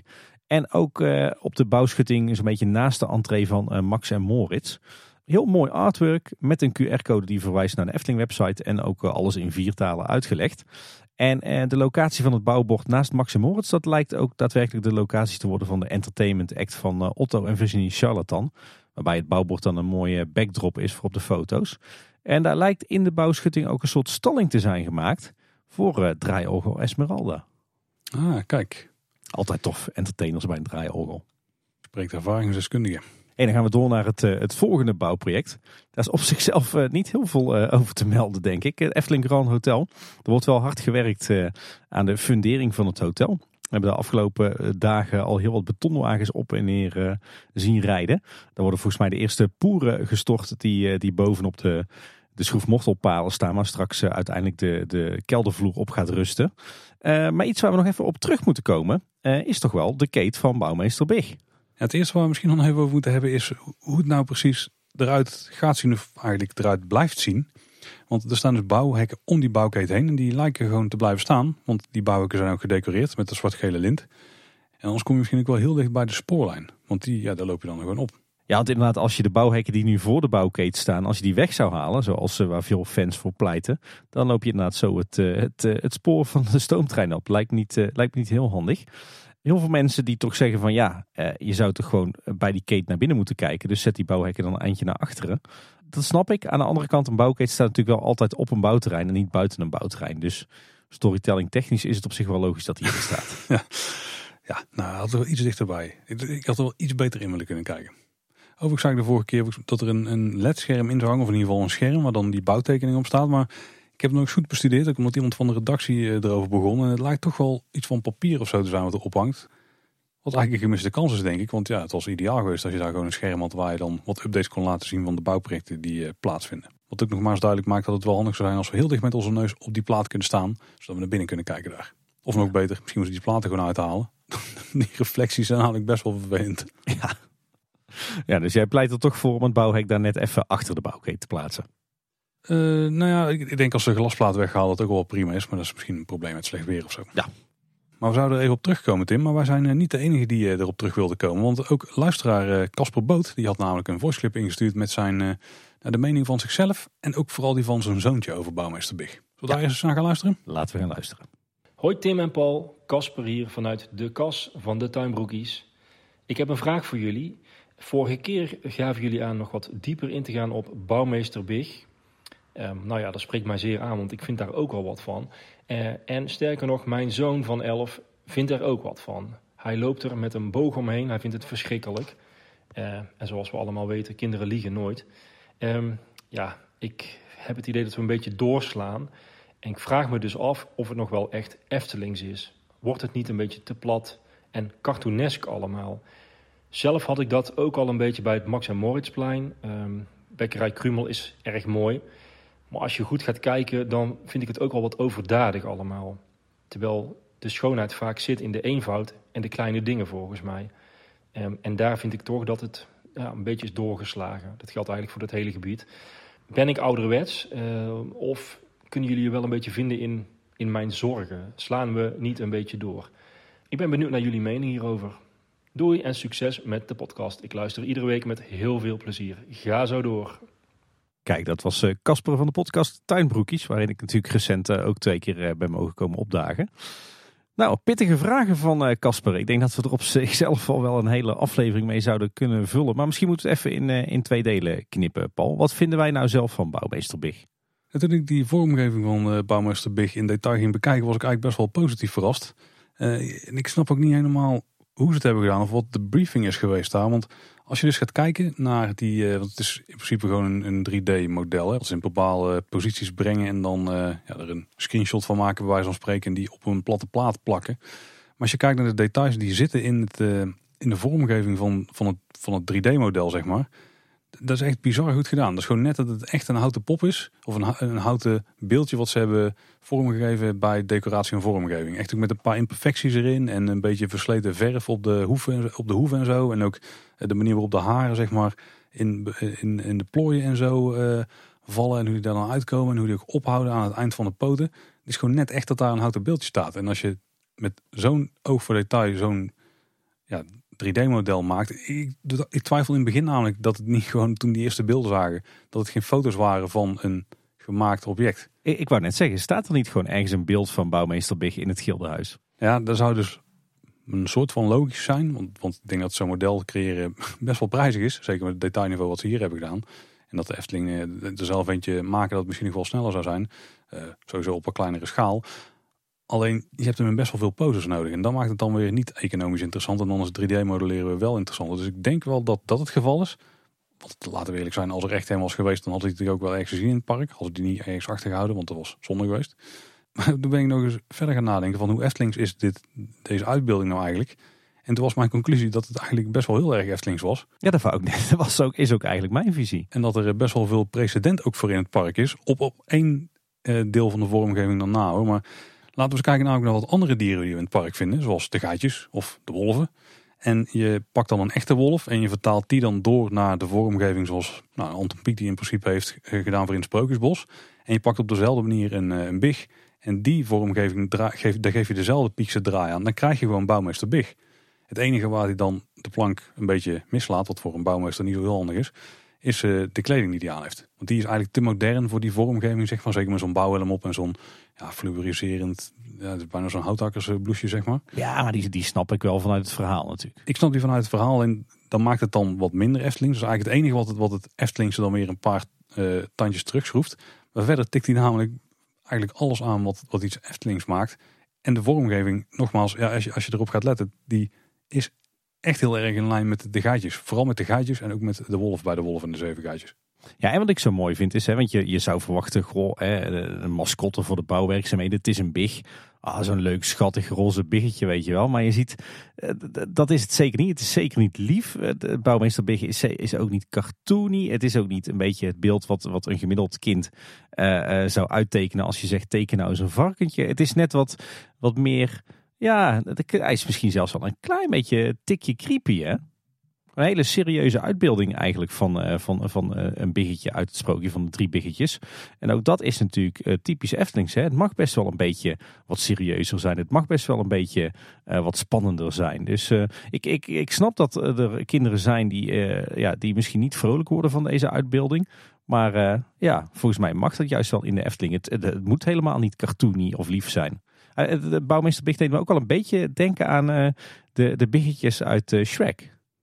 Die vergelijking heb ik ook gezien. Ja, ja nou, ik, ik, denk dat ik ook wel snap waarom het een beetje eng, vreemd, bizar overkomt op kinderen. Want het is zo'n antropomorfisch beest. Ja. En daar zit het probleem natuurlijk in. Dus het is een dier wat vormgegeven is met menselijke trekjes. En dat is altijd een beetje... Ja, ja creepy. Ja, eigenlijk wel. Maar, maar dat zie je al in het huidige Sprookjesbos. En, en ja, ik, ik vind die vormgeving eigenlijk best wel tof. Alleen ik zou de kleding net wat anders hebben gedaan. Maar dan is het verhaal weer wat lastig te vertellen. Want als je daar staat in, in zijn bretels en zo. Ja, het is toch wel, er zit een knipoog in naar Henk. Gewoon, ja, precies. En we zijn allemaal fan van Henk natuurlijk. Alhoewel, uh, detail is dat Henk dan weer niet de uitvoerder is van het, uh, het uh, hotelproject. Maar goed, dat is, dat is weer een ander verhaal. Ja, dat is ook niet per se alleen de mascotte van het hotelproject. Nee, Als hij nee, nou wel het meest nauw bij betrokken natuurlijk. Dat is zeker waar. Nee, ik, ik, ik vind juist wel tof dat, dat, dat het een totaal andere uitbeelding is van een big dan je zou verwachten. En dat het een, beetje on the edge is. Ja, ik moet zeggen dat dat past wel echt bij, bij Eftelings. Net, net wat anders dan hoe andere parken het zouden aanpakken. Ja, en, en om even te kijken van, schiet de Efteling hier niet in door? Ja, we hebben het er natuurlijk in een eerdere nieuwsaflevering al over gehad. Kijk, eh, mijn heilige overtuiging is dat mensen bouwwerkzaamheden en onderhoudswerkzaamheden veel leuker en interessanter vinden dan uh, de meeste mensen denken. Ik, uh, ik pleit daar ook altijd voor van, joh, stop nou eens met, met alleen maar bezig zijn met overlast bestrijden. Mensen vinden het juist hartstikke leuk als ergens gebouwd wordt. En uh, draag dat nou eens uit. En je ziet dat, uh, dat, dat aannemers, gemeentes, die hebben daar allemaal toch best wel wat moeite mee om die stap te maken. De Efteling die, die heeft daar wat minder moeite mee. En dat zie je in de making-ofs, dat zie je met bouwfoto's, dat zie je met de blog. En ja, ze gaan hier nu weer net een stapje verder door gewoon echt te kiezen voor ja, een soort algemene mascotte voor alle bouw- en onderhoudswerkzaamheden in, in het park. En dat vind ik een hele stoere, gedurfde stap. Maak, het, maak er nou eens gewoon iets leuks van. En het heeft nu zelfs een mascotte. En ja, uh, dan kan je je afvragen. Is een Unox kar ombouwen naar een bouwkeet die je helemaal vol stout met allerhande leuke details en knipogen. Sla je dan niet een beetje door? Ja, maar aan de andere kant, dat past ook wel denk ik bij dat 9 plus niveau wat de Efteling najaagt. Ja, dan, dan leg je echt de lat enorm hoog voor jezelf. Ja, misschien bedoelt Casper ook wel, want ik denk dat hij het niet erg vindt dat er uh, wat nadruk wordt gelegd op de bouwwerkzaamheden op zo'n manier. Maar je had ook Pardoes die presentatie kunnen laten doen, zeg maar. Maar ik denk dat de Efteling die toch meer in zijn eigen wereld wil, wil laten, of steeds meer in zijn eigen wereld wil laten. Nee, ik vind juist wel slim dat ze kiezen voor een, een, een afwijkend karakter wat ze nog niet kennen in de Efteling. En wat ook weer storytelling technisch natuurlijk heel veel heeft met bouwen. Ja, nee, daar ben ik het zeker mee eens. al met al kunnen we denk ik wel concluderen dat wij er nou, best wel positief tegenover staan. Zeker. Dus ja, ik vind het eigenlijk wel tof dat de Efteling hier weer zo, uh, zo eigenzinnig uh, in is. En dat ze hier uh, toch weer een, een hoofd boven het maaiveld uitsteken eigenlijk. En ik kan de luisteraars alleen maar uitnodigen. Ga nou eens in detail letten op hoe die big is vormgegeven. Op gewoon die imperfecties die erin zitten en het, het beetje afgesleten verfwerk wat erop zit. Heel erg tof. Ja, en laten we hopen dat er ooit nog een sprookje van de drie biggetjes uh, verschijnt in het uh, Sprookjesbos. Of buiten, net buiten het Sprookjesbos. Want ik denk dat uh, de Efteling-ontwerpers daar een hele mooie originele draai aan zouden kunnen geven. Als ze daar net wat meer klassieke kleding aan zouden geven, Tim, ik ben 100% voor. Eens. Het is ongelooflijk trouwens, Tim, want we gaan het volgende puntje in ons draaiboek. Maar er is gewoon een onderdeel uit het bestemmingsplan, tenminste een onderdeel wat mogelijk is gemaakt door het bestemmingsplan, gerealiseerd. Oh. Tenminste, bijna. Ze zijn ermee bezig. Wauw. Ongelooflijk Tim, het is eigenlijk wel een heugelijk feit. Nou, dan zal daar eens een fles schrobbelair open trekken. Ik ben helemaal uit het veld geslagen. Ja, het is ongelooflijk, want op maandag 7 november is de Efteling gestart met de aanleg van een houtwal. Ja, ja. ja. Aan de westzijde van de Dodenauweg, dus tussen de weg en P3. Uh, daar wordt de grond voor gebruikt, die is vrijgekomen bij de bouw van het Efteling Grand Hotel. En er is nogal wat grond, hè, dat heb je wel gezien als je het gat ja. daarin hebt, hebt geïnspecteerd. En het is een onderdeel van het aanleggen van een landschappelijk raamwerk met grondwallen, houtwallen en singels met bomen. Ja, ja. En waar kennen wij dit allemaal van? Ja, uit de origin story van Kleine Boodschap eigenlijk. Hè? Dit is uh, gewoon letterlijk een onderdeel uh, van het bestemmingsplan Wereld van de Efteling 2030. En dan meer specifiek, uh, specifiek van het beeldkwaliteitsplan. Is ook lange tijd bingo woord geweest bij de Kleine Boodschap bingo. Ja, ze, realiseren hier inderdaad gewoon het allereerste onderdeel wat we kennen uit, uit het nieuwe bestemmingsplan. Ja, dit kon hier niet. En in de bestemmingsplannen zit vastgelegd. En in de beeldskwaliteitsplan dan kon je dus mooi die doorsneden zien. Hè, van hoe die opbouw dan van weg, wal en dan de, de opbouw van het attractiepark kan zijn en zo. En het eerste stukje ervan is gewoon niet neergelegd. Dit is een heugelijker feit dan dat de, de simpele titel zou doen vermoeden. Ja, ik denk dat heel veel van onze luisteraars zullen denken, we maken die gasten zich druk over. Maar uh, als je, je jarenlang dat bestemmingsplan uh, hebt gevolgd en die hele procedure, dan uh, is het wel heel tof als er eindelijk ook echt iets in de werkelijkheid wordt gerealiseerd ik ben wel benieuwd waarom ze dit nu al doen. Ja, waarschijnlijk omdat ze met die grond ergens naartoe moeten. En hier hebben ze toch grond voor nodig. En het komt op zich wel mooi uit. Want P3, uh, wat we vroeger kenden als vak O, het overloopparkeerterrein. Dat is nu natuurlijk tijdelijk verhard. Um, wordt zelden gebruik, gebruikt. Maar als het wordt gebruikt, dan, dan ligt het vanaf nu, liggen alle auto's mooi achter een, ja, een mooie grondwal. Waar later ook nog bomen op worden geplant. Ja, een beetje zoals je het op meer plekken al ziet rondom P2 hè? En eigenlijk ook aan de rand van P1 tussen de Kinkerpolder. En enerzijds is het dus vooruitlopend op de plannen om het, de Efteling richting het westen uit te breiden. Hè, met wellicht een, een second gate en een groot parkeerterrein. Maar goed, het, het heeft nu al toegevoegde waarde. Want het ontneemt dus P3 uit het zicht. En je bent de stand kwijt hè, van het hotel. Ja, heel, heel tof. Hey Paul, en als we het dan toch over het bestemmingsplan hebben. Ook verkeer en mobiliteit was daar een heel belangrijk onderwerp in. En ook op dat vlak is er nieuws hè. Ja, een tijdje geleden stond er een artikel in de krant en daarbij werd Fons Jurgens geïnterviewd. En die kwam in één keer op de proppen met een, een wens van hem. Namelijk een proef met een zelfrijdende shuttlebus rondom het park. Ja, dat was wel weer even een duveltje uit een doosje voor ons. Nou, de bus moeten gaan rijden in de wereld van de Efteling. En misschien ook wel tussen Tilburg en de Efteling in de toekomst. maar rondom het park zou het dus gaan om een snelle en hoogfrequente verbinding tussen de entree, de vakantieparken Bosrijk en het Loonse Land. En mogelijk ook de parkeerterreinen van de Efteling. En wie weet het Efteling Hotel, wordt niet eens genoemd. Maar die heeft natuurlijk zijn eigen entree. Dus dat is een stuk minder relevant. En dit zou op korte termijn gerealiseerd moeten kunnen worden. Nou, ik ben wel benieuwd hoe dit dat gaat doen. Vooral zelfrijdend. Er zijn wel proeven geweest in, de, in Vlaanderen ook en zo. En dat was niet altijd een, een succes. Nou ja, ik denk dat de, techniek achter een zelfrijdende bus, dat is één. Ik denk dat die, die bestaat al wel, die techniek. En uh, daar wordt volgens mij ook al wel op meegereden op, uh, op vliegvelden.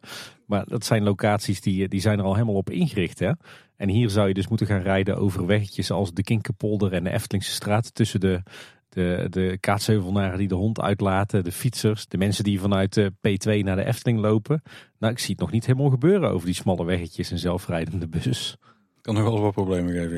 en. Fonsie zegt over dat hij um, het zelf al helemaal ziet zitten en dat hij het helemaal ziet passen in de beleving van de Efteling. Want bij wijze van spreken zetten ze hollebolle gijs achter het stuur. Ja, dat kan natuurlijk. Hè. Krijgen we een animatronic achter het stuur. En die maakt er een soort attractie van. Eén keer meteen je vel weggooien, ook wel handig. Ja, er zijn daadwerkelijk gesprekken tussen de Efteling en Arriva, natuurlijk de uitbater van het eh, busvervoer in onze provincie, over die mogelijke proef. Ik vind hm. het trouwens wel een hele slimme zet van uh, Fons en de Efteling. Want uh, ja, als je het aankondigt als provinciebrede proef met een zelfrijdende bus, Nou, dan maak je volgens mij uh, best wel eens kans op een hoop subsidie. Misschien dat je dan de kosten ook wel deelt met uh, een Arriva en een provincie. En anderzijds, voor partijen als Arriva, is natuurlijk de Efteling ook dé plek om een beetje te showen hè, met zo'n proef. Hij geeft wel iets meer details over ook. Hij zegt dat ze al lang de wens hebben om een, om een bus te hebben die over een busbaan rondjes rijdt. Dat maakt het probleem misschien al wat makkelijker op te lossen.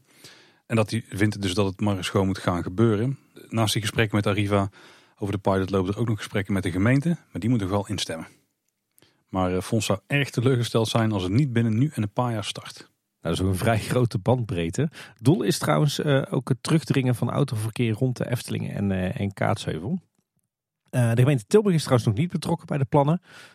maar deze plannen sluiten wel goed aan op het, het vervoersbeleid waar de gemeente Tilburg nu bezig mee is.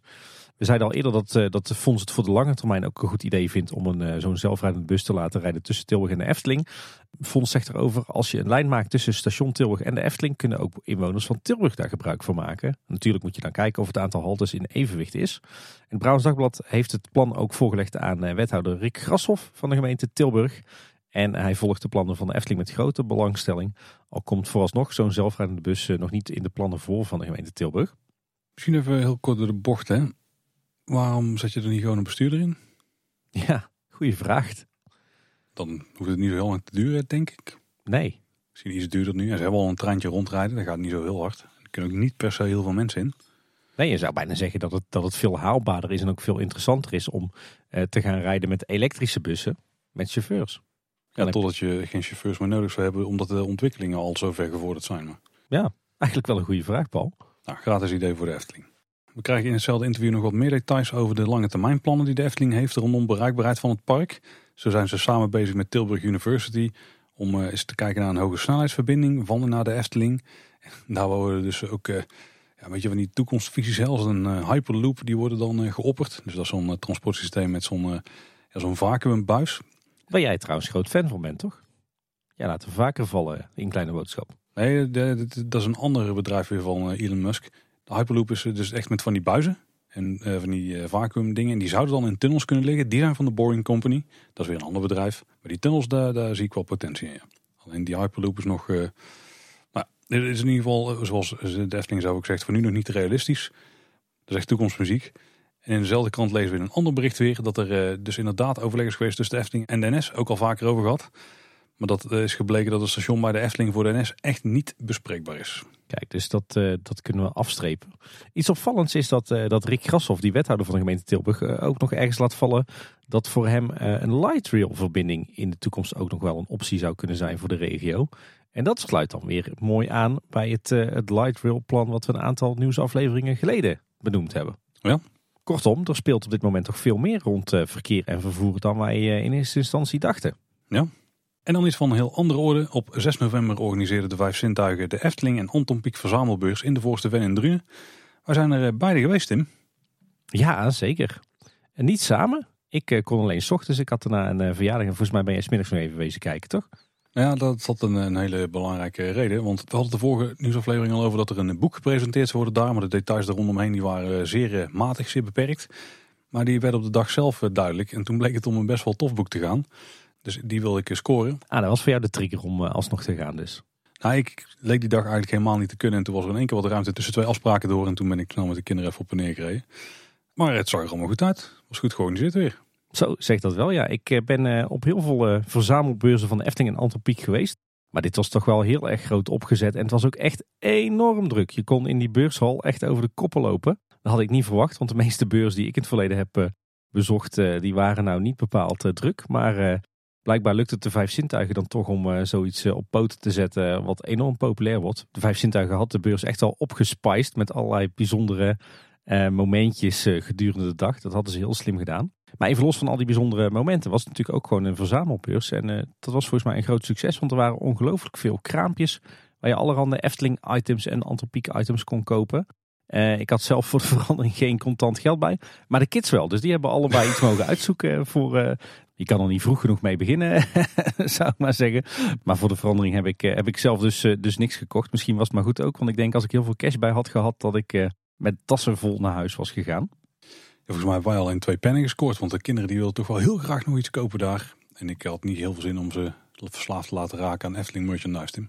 Niet? Nee. Valt mee van je tegen. Die van mij zijn trouwens uiteindelijk allebei met een Efteling knuffel naar huis gegaan. Dus niet met een fotoboekje of plattegrond of dat soort uh, snuisterijen. Als we iets hadden mogen kiezen voor ieder budget, dan was het ook daar geweest. Dan hadden we nog meer knuffels gehad naast tegen die ze al hadden. Dus Ja. je weet hoe dat gaat. Als je overigens een, een leuke impressie wilt krijgen van de beurs, er staat een heel tof artikel uh, in het uh, Brabants Dagblad. Een interview met Carlo en Hanny van Schijndel. Natuurlijk Carlo bekend van de Vijf Zintuigen van de Efteling Pub Quiz en ook van het quizje bij een kleine boodschap in het theater. Daar is hij bekend van. Maar uh, ja, Carlo is natuurlijk vooral de Efteling-verzamelaar. Hij uh, heeft bij ons uh, in de podcast ook al een keer uitgebreid mogen vertellen over ja, eigenlijk de charme van het, het hebben van een Efteling-verzameling.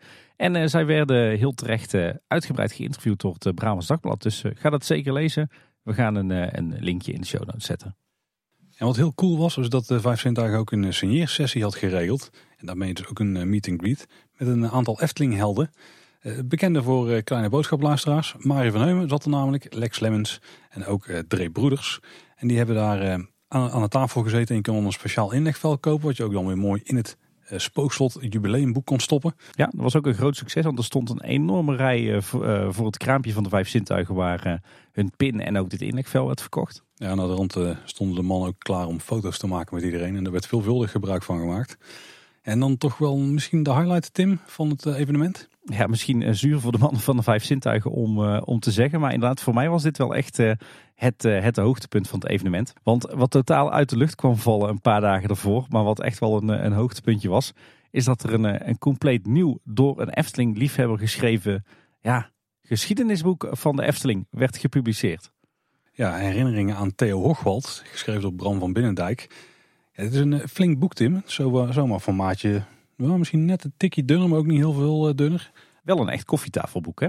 Ja, en ook in, in dezelfde lijn vormgegeven als uh, de Chroniek van een Sprookje eigenlijk. Ja, en dan lopen we misschien al wel een klein beetje vooruit op de vraag wat vinden we van dit boek. Maar ik denk dat dit toch ook wel uh, het dichtst in de buurt komt bij wat mij betreft het nummer één boek over de Efteling. Namelijk Chroniek van een Sprookje. Dit, ja, dit, dit ligt er toch het dichtste bij, denk ik.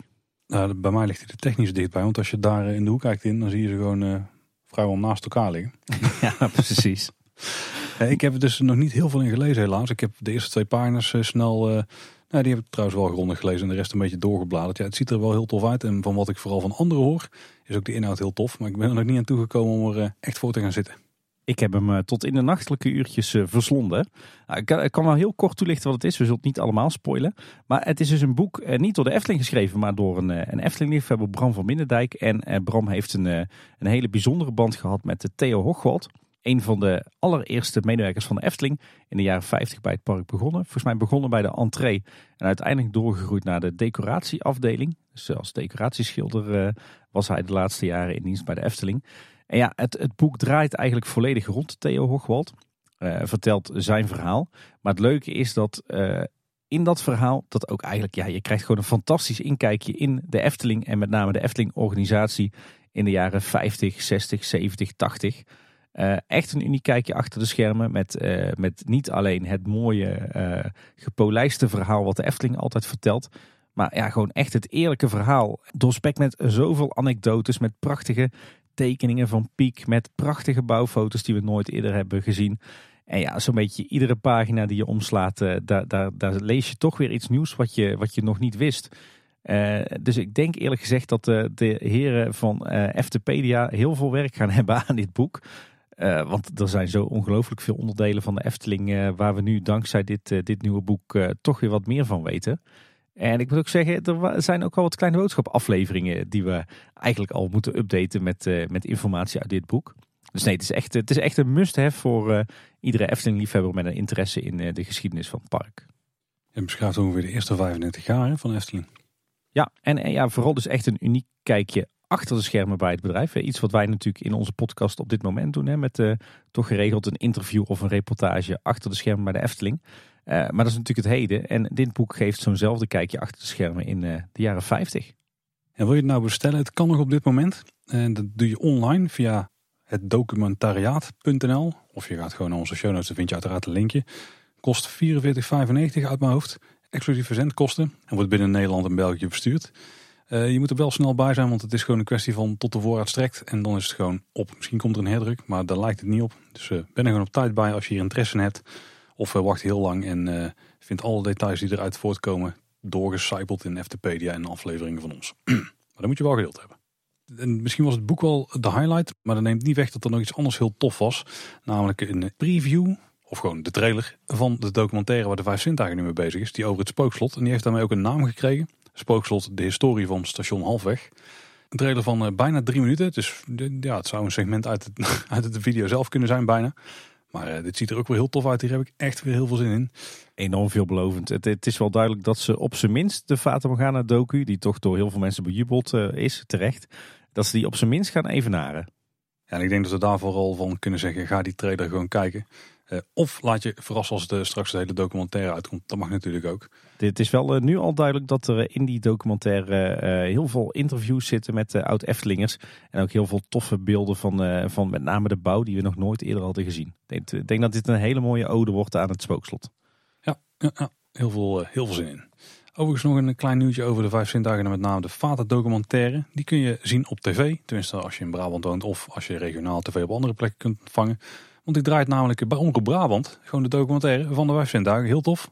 Vanaf 16 november gaat hij daar draaien in uh, zeven delen. Dus die is opgedeeld in stukjes van 12 minuten.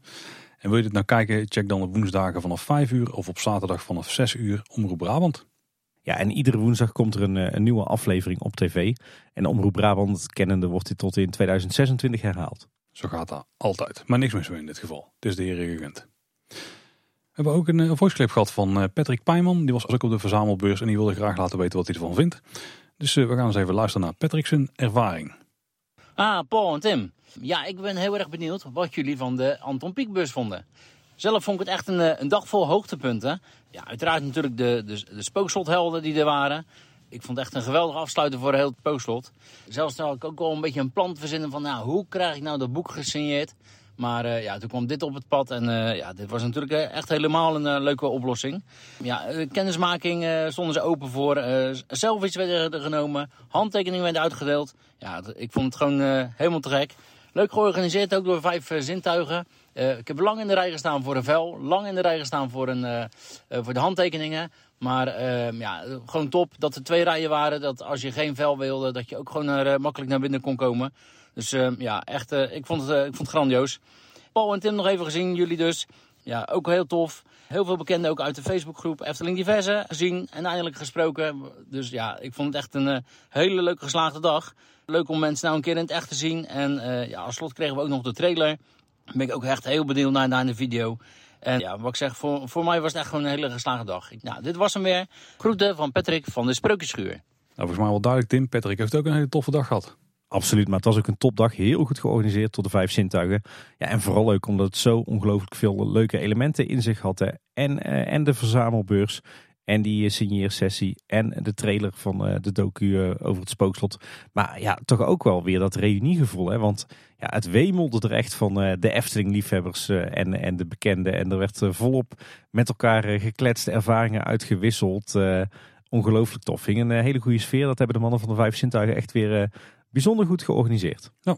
En op 11 maart dan zal de volgende verzamelbeurs plaatsvinden. Die is weer in de Pelgrimshoeve en die is dan ook weer georganiseerd door het Poortje. Het Poortje had overigens ook wel uh, een vinger in uh, dit evenement in de pap. Maar de komende die is weer volledig door het Poortje georganiseerd. Ja. Zeg Paul, weet je wat mij wel opviel uh, hier op, die, op de beurs? Dat er flink gereld en verzameld werd. ja, dat ook. Nee, er is gewoon volgens mij een enorme behoefte aan dit soort fan-events. Uh, bij Efteling-liefhebbers. Want ja, je zag dat toch bij uh, de vertoning van de Fata-docu. Je zag dat bij Kleine Boodschap in het theater. Je ziet dat nu weer bij deze uh, verzamelbeurs. Er hoeft maar zo'n evenement aangekondigd te worden en iedereen wil er naartoe. Blijkbaar leeft er toch onder Efteling-liefhebbers dat ze gewoon graag samenkomen op dit soort evenementen. En ja, je merkt nu toch wel dat er zoiets mist als een Efteling-fandag die door de Efteling zelf is georganiseerd. Ja, terecht is gewoon super gezellig. Ik snap dat wel. Ik denk dat de Efteling daar echt wel eh, kansen laat liggen. Ik denk dat daar echt wel, uh, wel markt voor is. Maar goed, als de Efteling het niet doet, dan springen wij er als fanmedia gewoon in dat gat. Hè? Zeker. Tim, ook wat minder nieuws, want er lijkt een, een spoor van diefstal en vernielingen te zijn achtergelaten in het Sprookjesbos. Ja, volgens mij speelt het nog steeds wel hoor. Uh, is het nog steeds bezig? Ja. Een van de dingen die me bijvoorbeeld opviel is dat bij de Zeven Gaatjes um, dat nisje, dat is zo'n, weet je wel, wat tussen de twee scènetjes zit er is het ruitje van ingetikt om eh, die nis leeg te halen. Dus uh, dat is wel gerepareerd, maar die muis die is nog weg die daar stond. Maar bijvoorbeeld ook dat er een klein duimpjebord van een prullenmand is gestolen. En ook de peperkoekmannetjes die bij Hans en Grietje in het tuintje staan. Ja, die waren volgens mij net geplaatst als onderdeel van de Winter Efteling. En uh, vervolgens uh, waren ze meteen gejat. De Efteling die, die meldt ook dat het inderdaad zo is dat het diefstal is geconstateerd in het Sprookjesbos.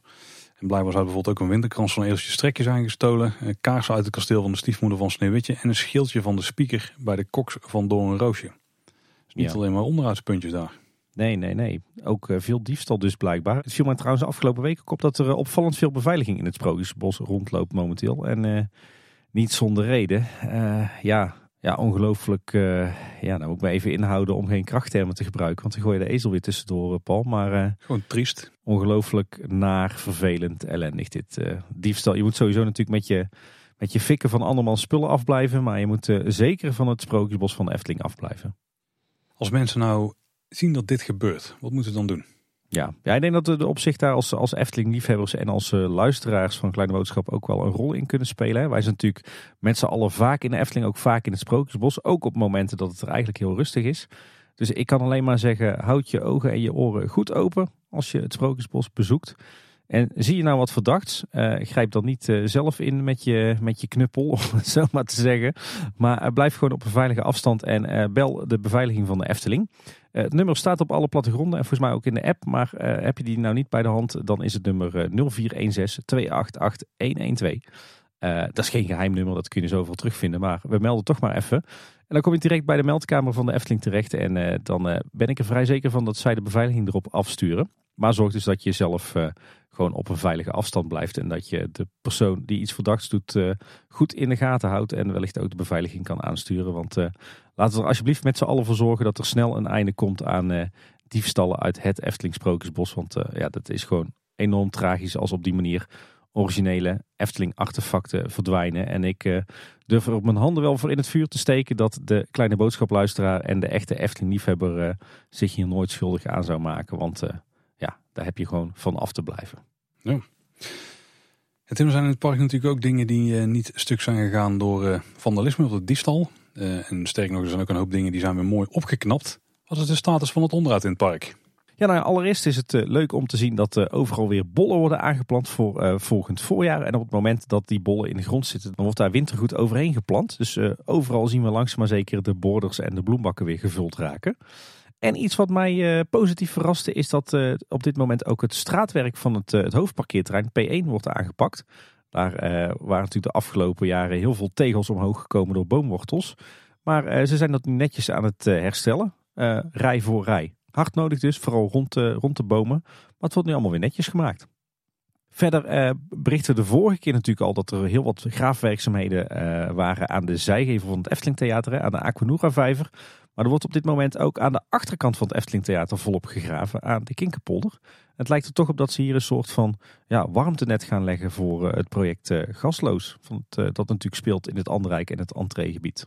En dan Symbolica is natuurlijk een tweetal weken in onderhoud geweest. We, de vorige nieuwsaflevering hadden we daar al een hoop updates over. Maar inmiddels kunnen we ook melden dat alle leuningen in de meandering netjes opgeschilderd zijn. Dat werk is, is al klaar, snel gegaan dat in eh, de voorshow de rook van de, de trap eindelijk weer werkt. Zodra de trap opensplijt, dan uh, komt er ook weer een mooie rookwolk uit.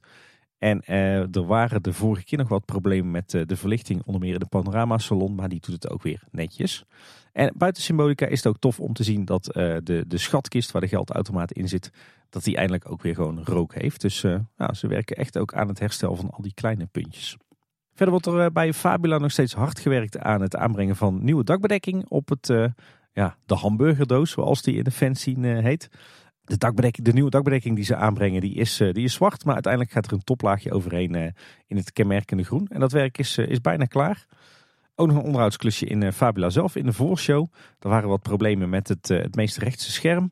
het lijkt erop dat daar nu een, een nieuwe beamer is geplaatst, want het scherm werkt weer Alleen het is net in iets kleiner projectievlak met net een iets andere kleurinstelling dan de twee bestaande schermen. Dus daar moeten ze nog even naar kijken. Dan gaan we verder in Anderrijk met Max en Moritz. Momenteel gesloten voor onderhoud. Ehm, de firma Mac die blijkt er ook rechtstreeks bij betrokken. Uh, iets wat we natuurlijk zien aan de busjes die rond de attractie staan. Ze zijn daar uh, aan het werk, aan het, uh, ja, het herstellen van gebreken die toch zijn ontstaan in de baan. En volgens mij ook in de besturing, omdat er toch geregeld een trein doorschiet.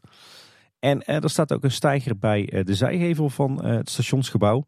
We dachten dat die was voor het aanbrengen van de winterdecoratie. Maar het lijkt erop dat de kraanbaan die daar uit het station komt, dat die wat wordt verlengd. Waarschijnlijk om de treintjes wat makkelijker uit het station te takelen. Ja, ik had toch wel verwacht dat ze daar gewoon rekening mee hadden gehouden bij de bouw. Dat er iets uitschuifbaars was. Of dat er misschien sowieso een, een unit was die erop konden klikken. Of dat er gewoon een, eh, een stuk al uit had gestoken. Want dat had thematisch best erin gepast kunnen worden. Nou, dat steekt er ook uit. Alleen het lijkt erop dat ze die nu langer aan het maken kort. zijn. Ah, Oké, oké. Volgens mij door naar het Raakrijk, hè? Ja, daar wordt door uh, eh, GCI natuurlijk hard gewerkt aan uh, de retrack van Joris en de Draak. Ik heb trouwens nog niet die, die, die Titan track gezien, die stalen track die ze daar in die bocht gaan aanbrengen. Die laat nog even op zich wachten. Maar ze hebben heel wat stukken baan in zijn geheel verwijderd. Die zijn er in grote stukken uitgezaagd. En volgens met de kraan uit de baan getakeld. En zo'n beetje overal en nergens in het Ruigrijk uh, neergekwakt. Die zullen ze nog wel netjes gaan afvoeren. En GCI is nu druk bezig met het aanbrengen van nieuwe track. En er zijn al heel wat gedeeltes waar je ziet dat die acht lagen hout waar de baan uit bestaat, dat die er al helemaal nieuw op zitten. klein neveneffectje is wel dat de kanovijver vol met hout ligt. Allemaal kleine reststukjes hout die er afgezaagd zijn, maar ook, ook zaagsel wat een, een soort bruin laagje op het water achterlaat.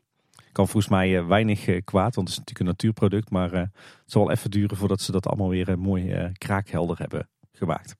Bij de Python stond een speciale stijger rondom de hellingbaan bij de uitstap. Wij dachten dat die was voor inspectie van de baan. Maar die blijkt te zijn voor onderhoud aan het dak van de kelder. die stijger staat zo dicht op de baan dat die alleen maar mag gebruikt worden buiten openingstijden. Ik moet er toch eens gaan kijken wat ze daar dan precies aan het eh, doen zijn. Een stijger voor onderhoud aan het dak van een kelder. Dat klinkt niet logisch in mijn, eh, mijn wereld. Ja, de kelder daar is de kelder ten opzichte van een stationsgebouw natuurlijk. Die is al boven de grond. Dus... Oh, natuurlijk ja. Ja, ja, ja. Goed punt, eh, Paul. Een soort van vreemde kelder. Ja. En nog een stukje, stukje follow-up. Want we hadden het de vorige keer al over het, het mooi opgeknapte hekwerk bij het kinderspoor. Blijkt dat daar ook extra spijlen zijn toegevoegd, verticaal om te voorkomen dat kinderen klem komen te zitten tussen de mooie krullen in dat hek. Ah, oké. Bij het Reisrijk zag ik trouwens wat eh, bijzonders verschijnen, Tim. En ik weet niet of dat het winterdecoratie is, ik denk het niet. Maar rondom eh, Vogelrok, daar zijn wat schalen met beplanting op het plein verschenen. Ja, met een klein beetje exotisch aandoende beplanting, kunnen we dat ja, zeggen? Het is niet echt winterdecoratie. Het is wel toevallig dat ze in dezelfde week als eh, de start van de winter zijn verschenen. Maar... Ja. Zouden ze toch nog iets meer groen willen toevoegen aan het, de wereld van Simbad? Ja, misschien is het wel een lichte hint dat fase 2 enigszins uitgesteld is. Oeh, wat zeg jij nou? Want dan zou daar al sowieso meer groen gaan verschijnen. Klopt, ja. Oeh, hm. Laten we hopen dat, uh, dat we daar ook ooit nog een keer een uh, aankondiging van krijgen. Uh, nou, laten we vooral hopen dat het korte termijn is dan. Hè? Ja. Archipel was laatst natuurlijk dicht om de scheuren in de valdempende ondergrond te herstellen. Maar het blijkt dat in die periode ook is gewerkt aan het riet van de, de verschillende hutjes die in Archipel staan. Er was een hoop riet uitgetrokken door, door jeugd dat hebben ze allemaal weer netjes eh, hersteld. En inmiddels staat er ook weer water in de uh, waterspeeltuin. En dat zou een groot deel van het vandalisme moeten voorkomen. Want het valt toch op dat op het moment dat de speeltuin droog staat, dat er dan ook de meeste vernielingen plaatsvinden. Dan door naar het, het Marenrijk. Bij Diorama is nu ook de radarboot terug. En ik heb een, een verzoekje voor onze luisteraars. Want er viel mij ineens op. je hebt in de kast van Diorama heb je op een gegeven moment de nacht het donkere gedeelte. En dan helemaal links in die scène heb je uh, een watertje met daarin ook een radarboot. En er staat een heel groot gebouw aan. En op de begane grond van dat gebouw heb je een heleboel raampjes. En achter die raampjes zie je nu allemaal silhouetten van, ja, volgens mij reizigers of mensen die met de radarboot op pad gaan.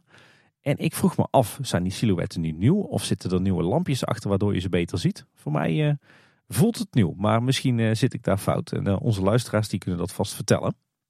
En dan door naar het eh, Anton Pieckplein. Daar is eh, hard gewerkt aan de poort tussen de Dubbele Laan en eh, het Anton Pieckplein zelf, rechts van de Zoete Inval. Eerder waren daar al de houten poorten verdwenen, maar nu hebben ze ook de twee metselwerk kolommen waar die poorten in hingen, hebben ze gesloopt. En helemaal vanaf de grond opnieuw opgebouwd. En dat was ook wel nodig, want uh, die kolommen die waren volledig over de volle lengte gescheurd ter hoogte van de scharnieren. Ik denk dat die, uh, die verroest waren of zo. Dat drukt het metselwerk uit elkaar. Maar ze werden helemaal mooi in ijzersteentjes opgemetseld. Super dat ze dat uh, ook hebben gedaan.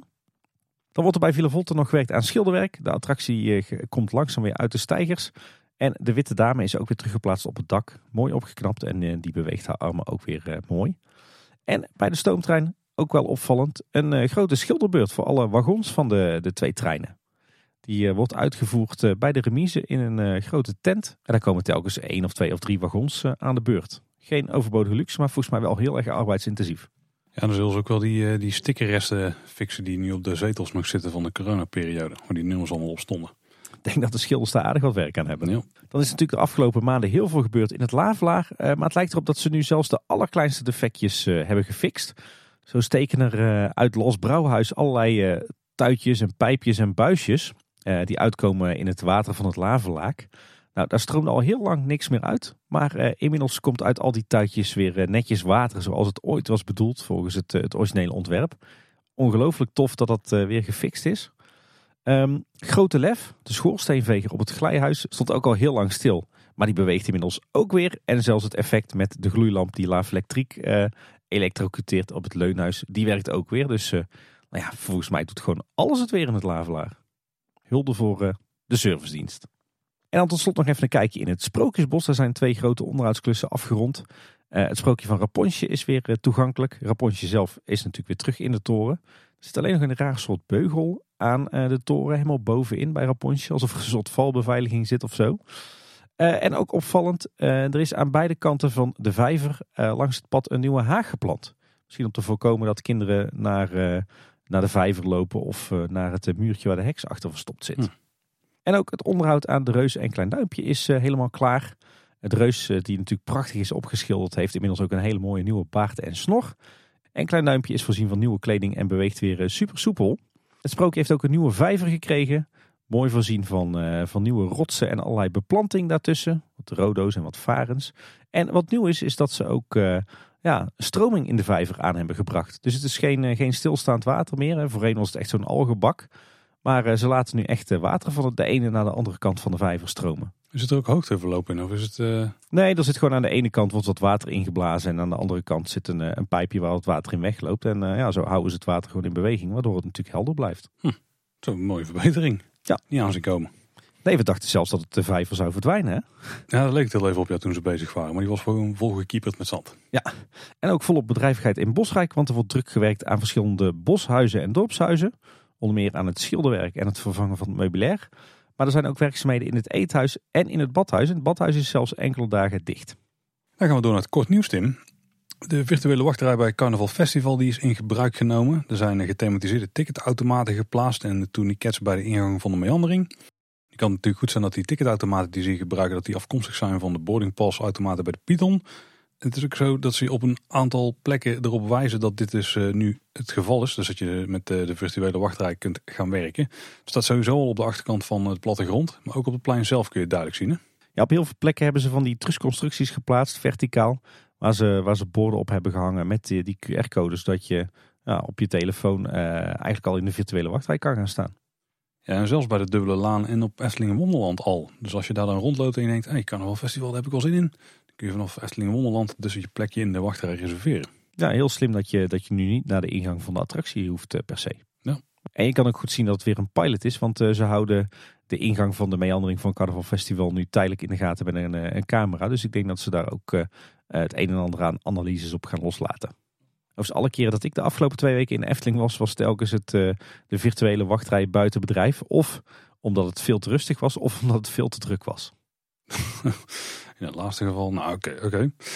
Groot nieuws onder het Huis van de Vijf Zintuigen. Want de laatste vier kassas, en dan de laatste tussen aircodes, verdwenen. Er stonden aan de linkerkant van het Huis van de Vijf Zintuigen stonden nog een aantal. Dus links van het, uh, van het kraaiennesten in het midden.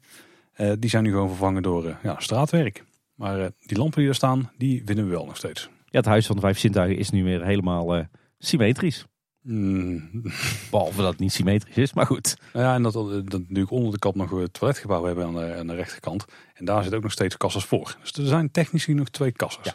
Maar in ieder geval geen reguliere kassas meer waar je als gewone daggast uh, je kaartjes kan kopen. Je koopt nu natuurlijk je tickets online. Moet ook, hè, want je moet er een datum bij reserveren. En je kan nog altijd bij de gastservice terecht voor kaartjes. Dat was ook wel te merken, want daar was het uh, afgelopen weekend uh, vrij druk. Ook nieuw bij de Zes Zwanen, daar hoor je tijdens de vaartocht door het slot nu een deel van het verhaal. Hoorde je normaal gesproken natuurlijk alleen maar als je het, het, wandelstukje doorging. Maar nu ook in de bootjes. En volgens de Efteling bij Monden van Loopings moet de wijziging ervoor zorgen dat mensen meer van het sprookje meekrijgen. Ook als ze alleen in het bootje ingaan. Snap ik wel. Ik denk wel dat de vaartocht nu minder sereen en stijlvol is. Maar ik snap wel dat de Efteling als hoeder van het sprookje ja, toch het sprookje wil vertellen. Een nieuwe coronagolf lijkt nog uit te blijven, maar de Efteling loopt er enigszins op vooruit. Want de desinfectiepalen die we vorig jaar konden vinden in het park... en het begin van dit jaar trouwens ook nog... die zijn weer, eh, weer terug. Kan sowieso geen kwaad, hè? ook als er eh, geen corona uitbreekt, om af en toe schone handjes te hebben. Heb je trouwens je boosterprik al gehaald, Paul? Eh, die heb ik nog niet in mijn arm gekregen, nee. Ik eh, afgelopen week, dus ik ben weer volledig beschermd. Is je arm weer een beetje soepel? Want Ja, de eerste twee dagen van de week was hij een beetje, een beetje stroef, een beetje stram. Maar het, het werkt allemaal weer. En ik had verder geen bijwerkingen, dus je bent toch helemaal geupgrade. zelfs als we weer moeten gaan werken met de QR-code, laten we hopen van niet. Maar dan mag ik in ieder geval de Efteling nog in. En dat is toch het allerbelangrijkste in het leven, toch? Nou ja, top 5 is het zeker. In de piramide van Maslow eh, staat hij vrij hoog. Nog een eh, bijzondere vergunningsaanvraag. Want er is een aanvraag gedaan voor het plaatsen van een opslagloods op het dienstencentrum. Ja, die kwam vandaag ineens voorbij. Zouden ze een decoratie gaan maken voor Dans Macabre op afstand? Dat is meer eh, ruimte daarvoor nodig hebben of zo? Ja, maar dat zou, noem je dat een opslagloods? Opslag impliceert meer dat ze er gewoon iets in gaan bewaren. Zou het zijn voor alle mallen die uit het spookslot komen? Of alle elementen die ze niet in het requisietenmagazijn eh, kwijt kunnen? Of is het gewoon een uitbreiding van het centraal magazijn? Oh, ik heb eigenlijk helemaal niet goed de, de aanvraag gecheckt. Maar is het voor lange termijn? Of ik, ik ging ervan uit dat het voor een jaar of zo zou zijn. Maar Daar stond het niet bij. nou, daar houden we gewoon in de gaten voor jullie. En ook nieuws voor de abonnementhouders of de mensen die eraan denken om een abonnement te gaan halen op de Efteling. Er zijn nieuwe abonnementsprijzen en die gaan in vanaf 1 januari 2023. En er zit, eh, vooral als je wat ouder bent, één complexiteit in. Maar daar gaan we je nu in meenemen. Tot en met drie jaar blijft het gewoon gratis om eh, de Efteling in te gaan. Eh, Of je nou een abonnement hebt of niet, dat maakt natuurlijk niks uit daar. Van 4 tot met 64 jaar, en daar is dus een kleine wijziging, stijgt de maandprijs naar 1950 per maand of 215 euro per jaar. En je hebt ook een abonnement voor 65 jaar en ouder. Die is 18 euro per maand of 200 euro per jaar. En daar zit dus een verschil. De abonnementen voorheen, het standaard abonnement zeg maar, dat liep tot en met 60 jaar. Dat is dus aangepast naar tot en met 64 jaar. En je had dan een 60 jaar en ouder abonnement, eh, wat dus nu een 65 jaar en ouder abonnement is. Dat betekent natuurlijk dat als jij ergens tussen de 60 en de 65 bent, dat dit dus eh, invloed heeft op jou. Eh, nu is het zo dat er een soort overgangsregeling is. Had jij al zo'n eh, 60-plus abonnement en hou je die gewoon, dan, eh, dan ga je gewoon eh, de prijs betalen voor het 65-plus abonnement. Dus de kosten stijgen wel iets, maar het is niet zo dat je dan even tijdelijk terugvalt naar het, eh, het standaard abonnement, dus tot en met 64 jaar. Dan sluit je nu af, dan ga je dus wel die prijs betalen die dan geldt voor de leeftijdscategorie waar je invalt. Ook bezoekers met een beperking gaan iets meer betalen, 15,50 per maand of 170 euro per jaar. En parkeerabonnementen die stijgen ook, eh, die gaan naar 3,50 per maand, volgens mij nu 3 euro. Of eh, naar 40 euro per jaar. Ja, en als je dan een beetje kan rekenen, dan is het alles bij elkaar een prijsstijging van, nou, een kleine 5%. Klinkt misschien fors, maar Loopings heeft het even voor ons uitgezocht. En de inflatie is op dit moment ten opzichte van dezelfde maand vorig jaar ruim 14%. Dus eh, de Efteling is heel schappelijk. Ehm, eigenlijk onderaan de streep, je zou bijna kunnen zeggen dat de Efteling eh, zichzelf in eigen voet schiet door eh, de prijzen slechts met 5% te verhogen. Ja, het is natuurlijk wel zo dat als de Efteling de prijs verhoogt, dat doen ze maar één keer per jaar en dan kun je ook niet meer terug. En inflatie jaar op, of tenminste maandinflatie jaar op jaar vergelijken is een beetje eh, gevaarlijk wat dat betreft. Want het kan goed zijn dat over een half jaar die inflatie negatief is. Dan heeft de Efteling in één keer een, een flinke prijsverhoging doorgevoerd die niet echt meer door de beugel kan. Nee. Maar als je, het, als je het plat slaat, dan is het zo dat de kosten van de Efteling met 15% stijgen en de inkomsten maar met 5%. Dat is, dan slaat het heel erg plat. Ja. ik denk niet dat Roel het helemaal goed zou keuren. Nee, ik denk het ook niet. We moeten, we moeten over een tijdje maar weer een nieuwe financiële aflevering maken. Eh, Bijna wel, ja. maar goed, eh, ik denk dat de Efteling heel schappelijk is. En, eh, en met iedere euro die ik uitgeef in de Efteling denk ik altijd maar op naar de volgende BNM, toch? Of de volgende Intermin. Prima. Hey, nog wat horeca nieuws naast eh, alle, alle nieuwtjes over de winterspecials. Er zijn namelijk nieuwe vegetarische en veganistische maaltijden in Efteling. Zo kan je vanaf nu eh, vegan Turkse pizza's en dunner kebab krijgen bij de Oase. En vanaf eh, 2023 ook bij de Brutale Aap in eh, Station de Oost. En bij de Casa Caracol vind je voortaan een panini fajita met vegetarische kip. En een quesadilla met tomaatkaas en vegetarisch gehakt. En we hadden natuurlijk al eerder gemeld dat de Efteling eh, bij verschillende horecapunten eh, cappuccino's en lattes gaat verkopen eh, gemaakt met havermelk. Ja, goede ontwikkeling denk ik. Absoluut. Mijn vrouw deed ook graag vegetarisch, maar die geeft juist niks om de smaak van vlees. Maar dit zijn wel allemaal van die vegetarische producten waar dan echt vleesvervangers voor zijn gebruikt. Met ook van die naboots smaken. Ja. Het is, ook nooit, het is nooit verkeerd om ook te kijken naar andere opties eh, buiten alleen dat. Overigens het laatst ook een stukje op van de vegetarische hamburger bij Laplace. Prima ding. Ja, sowieso is eh, vegetarisch en eh, veganistisch eten prima te eten over het algemeen. Nog wat eh, merchandise updates. En laten we meteen weer beginnen over die abonnementhouders. We weten, dat is niet iedereen, maar, maar wel relevant. En ook in dit geval een gunstig nieuwtje. Want van 22 november tot met 25 november en van 29 november tot met 2 december krijgen abonnementhouders 20% korting in de Efteling souvenirwinkels. Ook op de hotels en resorts. Dat is natuurlijk het, het echte Tilburgse klotteren. Ja, zeker in de voorbereidingen voor iedereen onder de 8 jaar even oren dicht. Sinterklaas en zo. Daarbij moet je wel een minimale besteding doen van 30 euro in één transactie. Dan wordt die korting toegepast. Anders geldt gewoon de standaard korting van 5% volgens mij. Ja.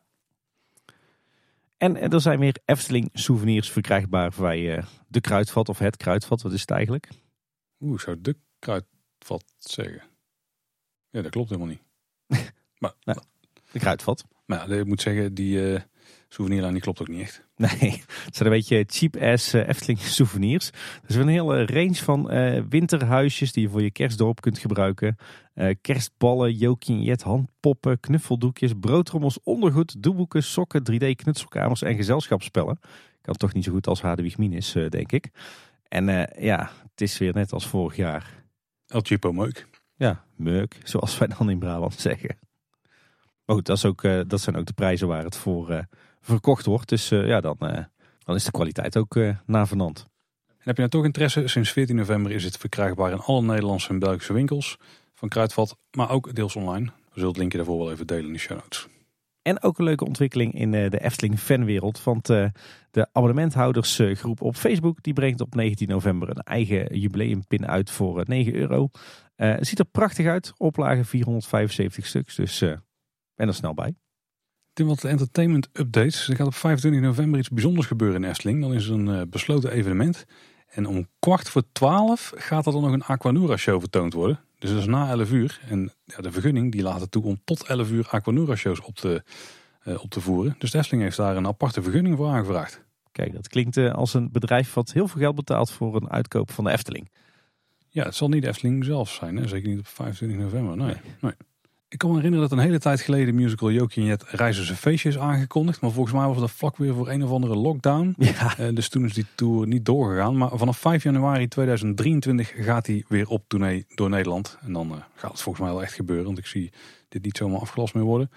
Uh, als je de, de speeltijden en de locaties wilt checken, dan heeft de Efteling die handig in een overzichtje gezet. Linkje daarvan vind je in de show notes. Ja, en ik ken wat mensen die volgens mij al voor die lockdown na deze, deze voorstelling zijn geweest. En het is schijnbaar een, een aanrader. En ook interessant, er is een onderzoek van de Raad der Wijze uitgestuurd over het theaterbezoek met kinderen. Waarbij ze aangeven dat ze benieuwd zijn naar hoe je op het idee komt om naar een theatervoorstelling te gaan. En je moet ook je mening geven over reclame voor een theatershow. Dus wellicht zit daar ook iets in de pijplijn. Ik kom echt nooit op het idee om naar een theatervoorstelling te gaan. Maar... Nee, zelfs niet van de Efteling? Zelfs niet Caro? Jawel toch? Ja, daar zijn we voor uitgenodigd. De première en daarna. Oké. Okay. Dus als de Efteling me uitnodigt op een première, dan denk ik daarna misschien wel eens aan van, oh, dan moet ik misschien ook nog naartoe gaan. Oh ja, schooi jij hier nou gewoon om sponsoring, hè, Paltje? Nee, maar dat is letterlijk hoe ik op het idee ben gekomen om het gezin met elkaar okay, okay, te nemen. Oké. hey, en ik, heb, ik heb, ben zowaar uh, toeschouwer geweest van een entertainment act die nergens uh, werd aangekondigd. Oh, vanuit Efteling? Ja, uh, meermaals trouwens. Uh, de afgelopen tijd een paar keer in uh, Speelbos Nest geweest. Natuurlijk de, de speeltuin in Ruigrijk. En je weet het, daar heb je van die ja, nestwakers, moet je ze volgens mij noemen. Of nestbewakers. Ja. Gewoon Efteling personeel dus eigenlijk met, met wat extra aankleding. Die daar de kinderen helpen met, met het spelen. Wat is nou het leuke? Eén of meerdere van die nestwakers die spelen akoestische gitaar. En uh, in ieder geval, ik heb, ik heb twee keer dezelfde medewerker gezien. Die dus gewoon met zijn gitaar rondliep. Past ook prima bij de rest van de outfit. En die lekker een beetje aan het tokkelen is en wat liedjes aan het spelen is met de kinderen. Ontzettend tof initiatief. Hij doet het ook hartstikke leuk. Ja, wat mij betreft gewoon, gewoon heel erg passend daar. En, en ook fantastisch dat, dat die jongen zo de ruimte krijgt om, om daar tijdens het werk ook nog eens zijn passie zo, zo uit te oefenen. Ontzettend tof. Leuk initiatief. En dan een interessante vacature om te delen. En met name vanwege een, een specifiek element daarvan. Want de Efteling is namelijk op zoek naar een technisch projectondersteuner. Was nou zo interessant. Deze is specifiek voor de duur van twee jaar. En dan gaan mijn gedachten toch heel snel uit naar twee projecten die ongeveer twee jaar duren en nu net zijn gestart. Dat is natuurlijk het Hotel en Dans Macabre. Zou je specifiek daar ondersteuning aan gaan bieden? Ik denk het wel. Uh, ze zijn op zoek naar een uh, technisch projectondersteuner dus die de lead engineers en discipline engineers, whatever that might be, voor de Efteling dus ondersteunt. En eh, wat doe je nou als technisch projectondersteuner? Dan ondersteun je bij het technische ontwerp van multidisciplinaire projecten zoals nieuwbouw- en modificatieprojecten, zowel in de voorbereidings- als de uitvoeringsfase. Je leert snel, hebt een technisch goed gevoel en focus op veiligheid. Oeh, wel voorbereidingsdingen. Project van twee jaar. Ja. Oeh. Misschien gaat het nog wel om andere dingen die eh, nog niet zo, eh, zo duidelijk zijn op dit moment. Nou, eigenlijk gewoon een, eh, een assistent voor de afdeling technisch ontwerp dus. In principe schrijf je dan in voor iets wat gewoon twee jaar duurt en dan eindigt. Ja. Interessant, interessant. Nou. Ehm, ook interessant is dat Fons Jurgens sinds vorige week de voorzitter is van de Club van Elf. En dat is de branchevereniging waar 24 Nederlandse dakattracties bij onder zijn gebracht. En daarmee volgt hij Masha Terminia op. Die heeft die functie ruim 10 jaar bekleed. En wel in misschien een van de lastigste periodes van eh, de Club van Elf, namelijk Zo, tijdens de coronaperiode. Ja. Eh, Fonsi zegt daarover het belang van recreëren en ontmoeten is overduidelijk. En de komende jaren zullen voor de Club van Elf in het teken staan dit belang bij de beleidsmakers te benadrukken. Graag speel ik daar een actieve rol in. Ik wil de samenleving professioneel en veilig kunnen laten ontspannen. Ja, denk een, eh, een hele mooie stap voor Fonds. Ehm, sluit denk ik wel aan bij de beweging dat, dat Fonds eh, steeds minder, denk ik, echt een dagdagelijkse leidinggevende rol heeft binnen het bedrijf. Maar dat hij zich meer op eh, ja, wat grotere abstractie bezighoudt met de Efteling. En ook meer, eh, meer doet voor de leisure sector in de algemene zin. Ja, ik weet niet of dat, dat, dat hoofd van de Club van Elf nou een super intensieve rol is. Want er zijn wel wat andere mensen binnen die organisatie die dat iets meer, eh, die, dat, die daar meer ja, zeg maar de dagelijkse gang van zaken bestieren. Ik moet zeggen, in de tijd van corona en zo, toen eh, zag je Masha toch wel wat vaker op de, op de Ja. voorgrond treden vanwege die rol. Dus ja, misschien als er weer zo'n crisis aanbreekt, dat Fonds dan eh, vooral wat meer aan de Club van Elf gelinkt zal zijn. Fonds stond ook vaak naast, eh, naast Masha. Hè? Niet, niet letterlijk, maar dan Oh, kwam er een statement vanuit de Club van 11. En Fonds die, die deed het nog eens dunnetjes over. Dus Ja. Ik denk dat hij dit, dit ook wel kan en misschien nog net wat, wat assertiever zal zijn. Maar ja, het is duidelijk dat hij de ruimte krijgt om ook buiten de Efteling zich te ontplooien. Ja, mocht je nou wat mensen die bij de Efteling werken volgen op social media, waaronder Fons Jurgen zelf trouwens, dan eh, kan het je niet ontgaan zijn dat de Efteling met een heel groot deel van het personeel op eh, reis was naar Europa Park in verband met 70-jarig bestaan. Uiteindelijk zijn ze vertrokken in vijf groepen van ieder 500 man. 500 man Eftelingen die dan tegelijkertijd naar dezelfde plek gaan.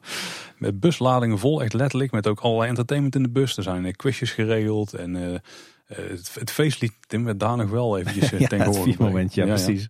En, en ik zag dat ze zelfs Jurgen Freilich hadden overgevlogen naar Roest om daar eh, op feestavonden op te treden. Volgens mij hebben ze een soort mini-Oktoberfest eh, gevierd met eh, de merknemers ter plaatse. De merknemers. Ik hoorde het mezelf zeggen. Ja, we weten er natuurlijk niet alles van, maar volgens mij, eh, ze gingen inderdaad met bussen dan naartoe. En eh, volgens mij sliepen ze in Hotel Kronasar, ze, waren ze twee dagen daar. Eten en drinken erbij, lekker het park in. En inderdaad, volgens mij ook een, een overvol programma met allerlei activiteiten. Dus eh, ja, ik weet nog uit mijn tijd van, eh, bij de Efteling dat eh, de Efteling personeelsreizen, ja, dat was altijd het hoogtepunt van je Efteling carrière. En we begrepen wel dat er in ieder geval goed gefeest is door iedereen. En dat is maar goed ook, want ze hebben het verdiend na dit, dit hoogseizoen. Ja, er waren wel wat verhalen van wat overlast die eh, zo'n grote groep bekenden van elkaar dan zou hebben veroorzaakt. Ja, maar ja, ga, ga, ga eens met 500 collega's eh, op pad na een, eh, een, eh, een zwaar maar super tof seizoen. Je kan even helemaal los. Je bent met z'n 500 bij elkaar. De baas betaalt eten en drinken. Met z'n allen in een hotel. Ja, dat wordt ook wel eens wat keet geschopt, toch? Ja, nou, het ging bijvoorbeeld ook volgens mij bij het ontbijtbuffet of zo dat daar dan flink gezongen zou worden. Ja, bleek dat er iemand jarig was. Dus Ja. langs als leven gezongen. Ja, misschien Ja. wordt het ook verkeerd opgepakt of komt het wat lastgevender over dan dat het de intentie is. Ja, nou ja, als je toch met 500 bekenden op pad bent, dan, eh, dan wordt er inderdaad wel eens wat, eh, wat gezongen en gelald en, eh, en, en geroepen en zo. Ik, ik snap dat wel. Je, je kan je dan eerder de vraag stellen of, of de familie Mak niet slimmer had moeten zijn en gewoon één hotel had moeten vrijmaken voor, voor deze club. Oeh, met 500 man, in, ja, er zijn er wel een paar waarbij dat gekund, denk ik.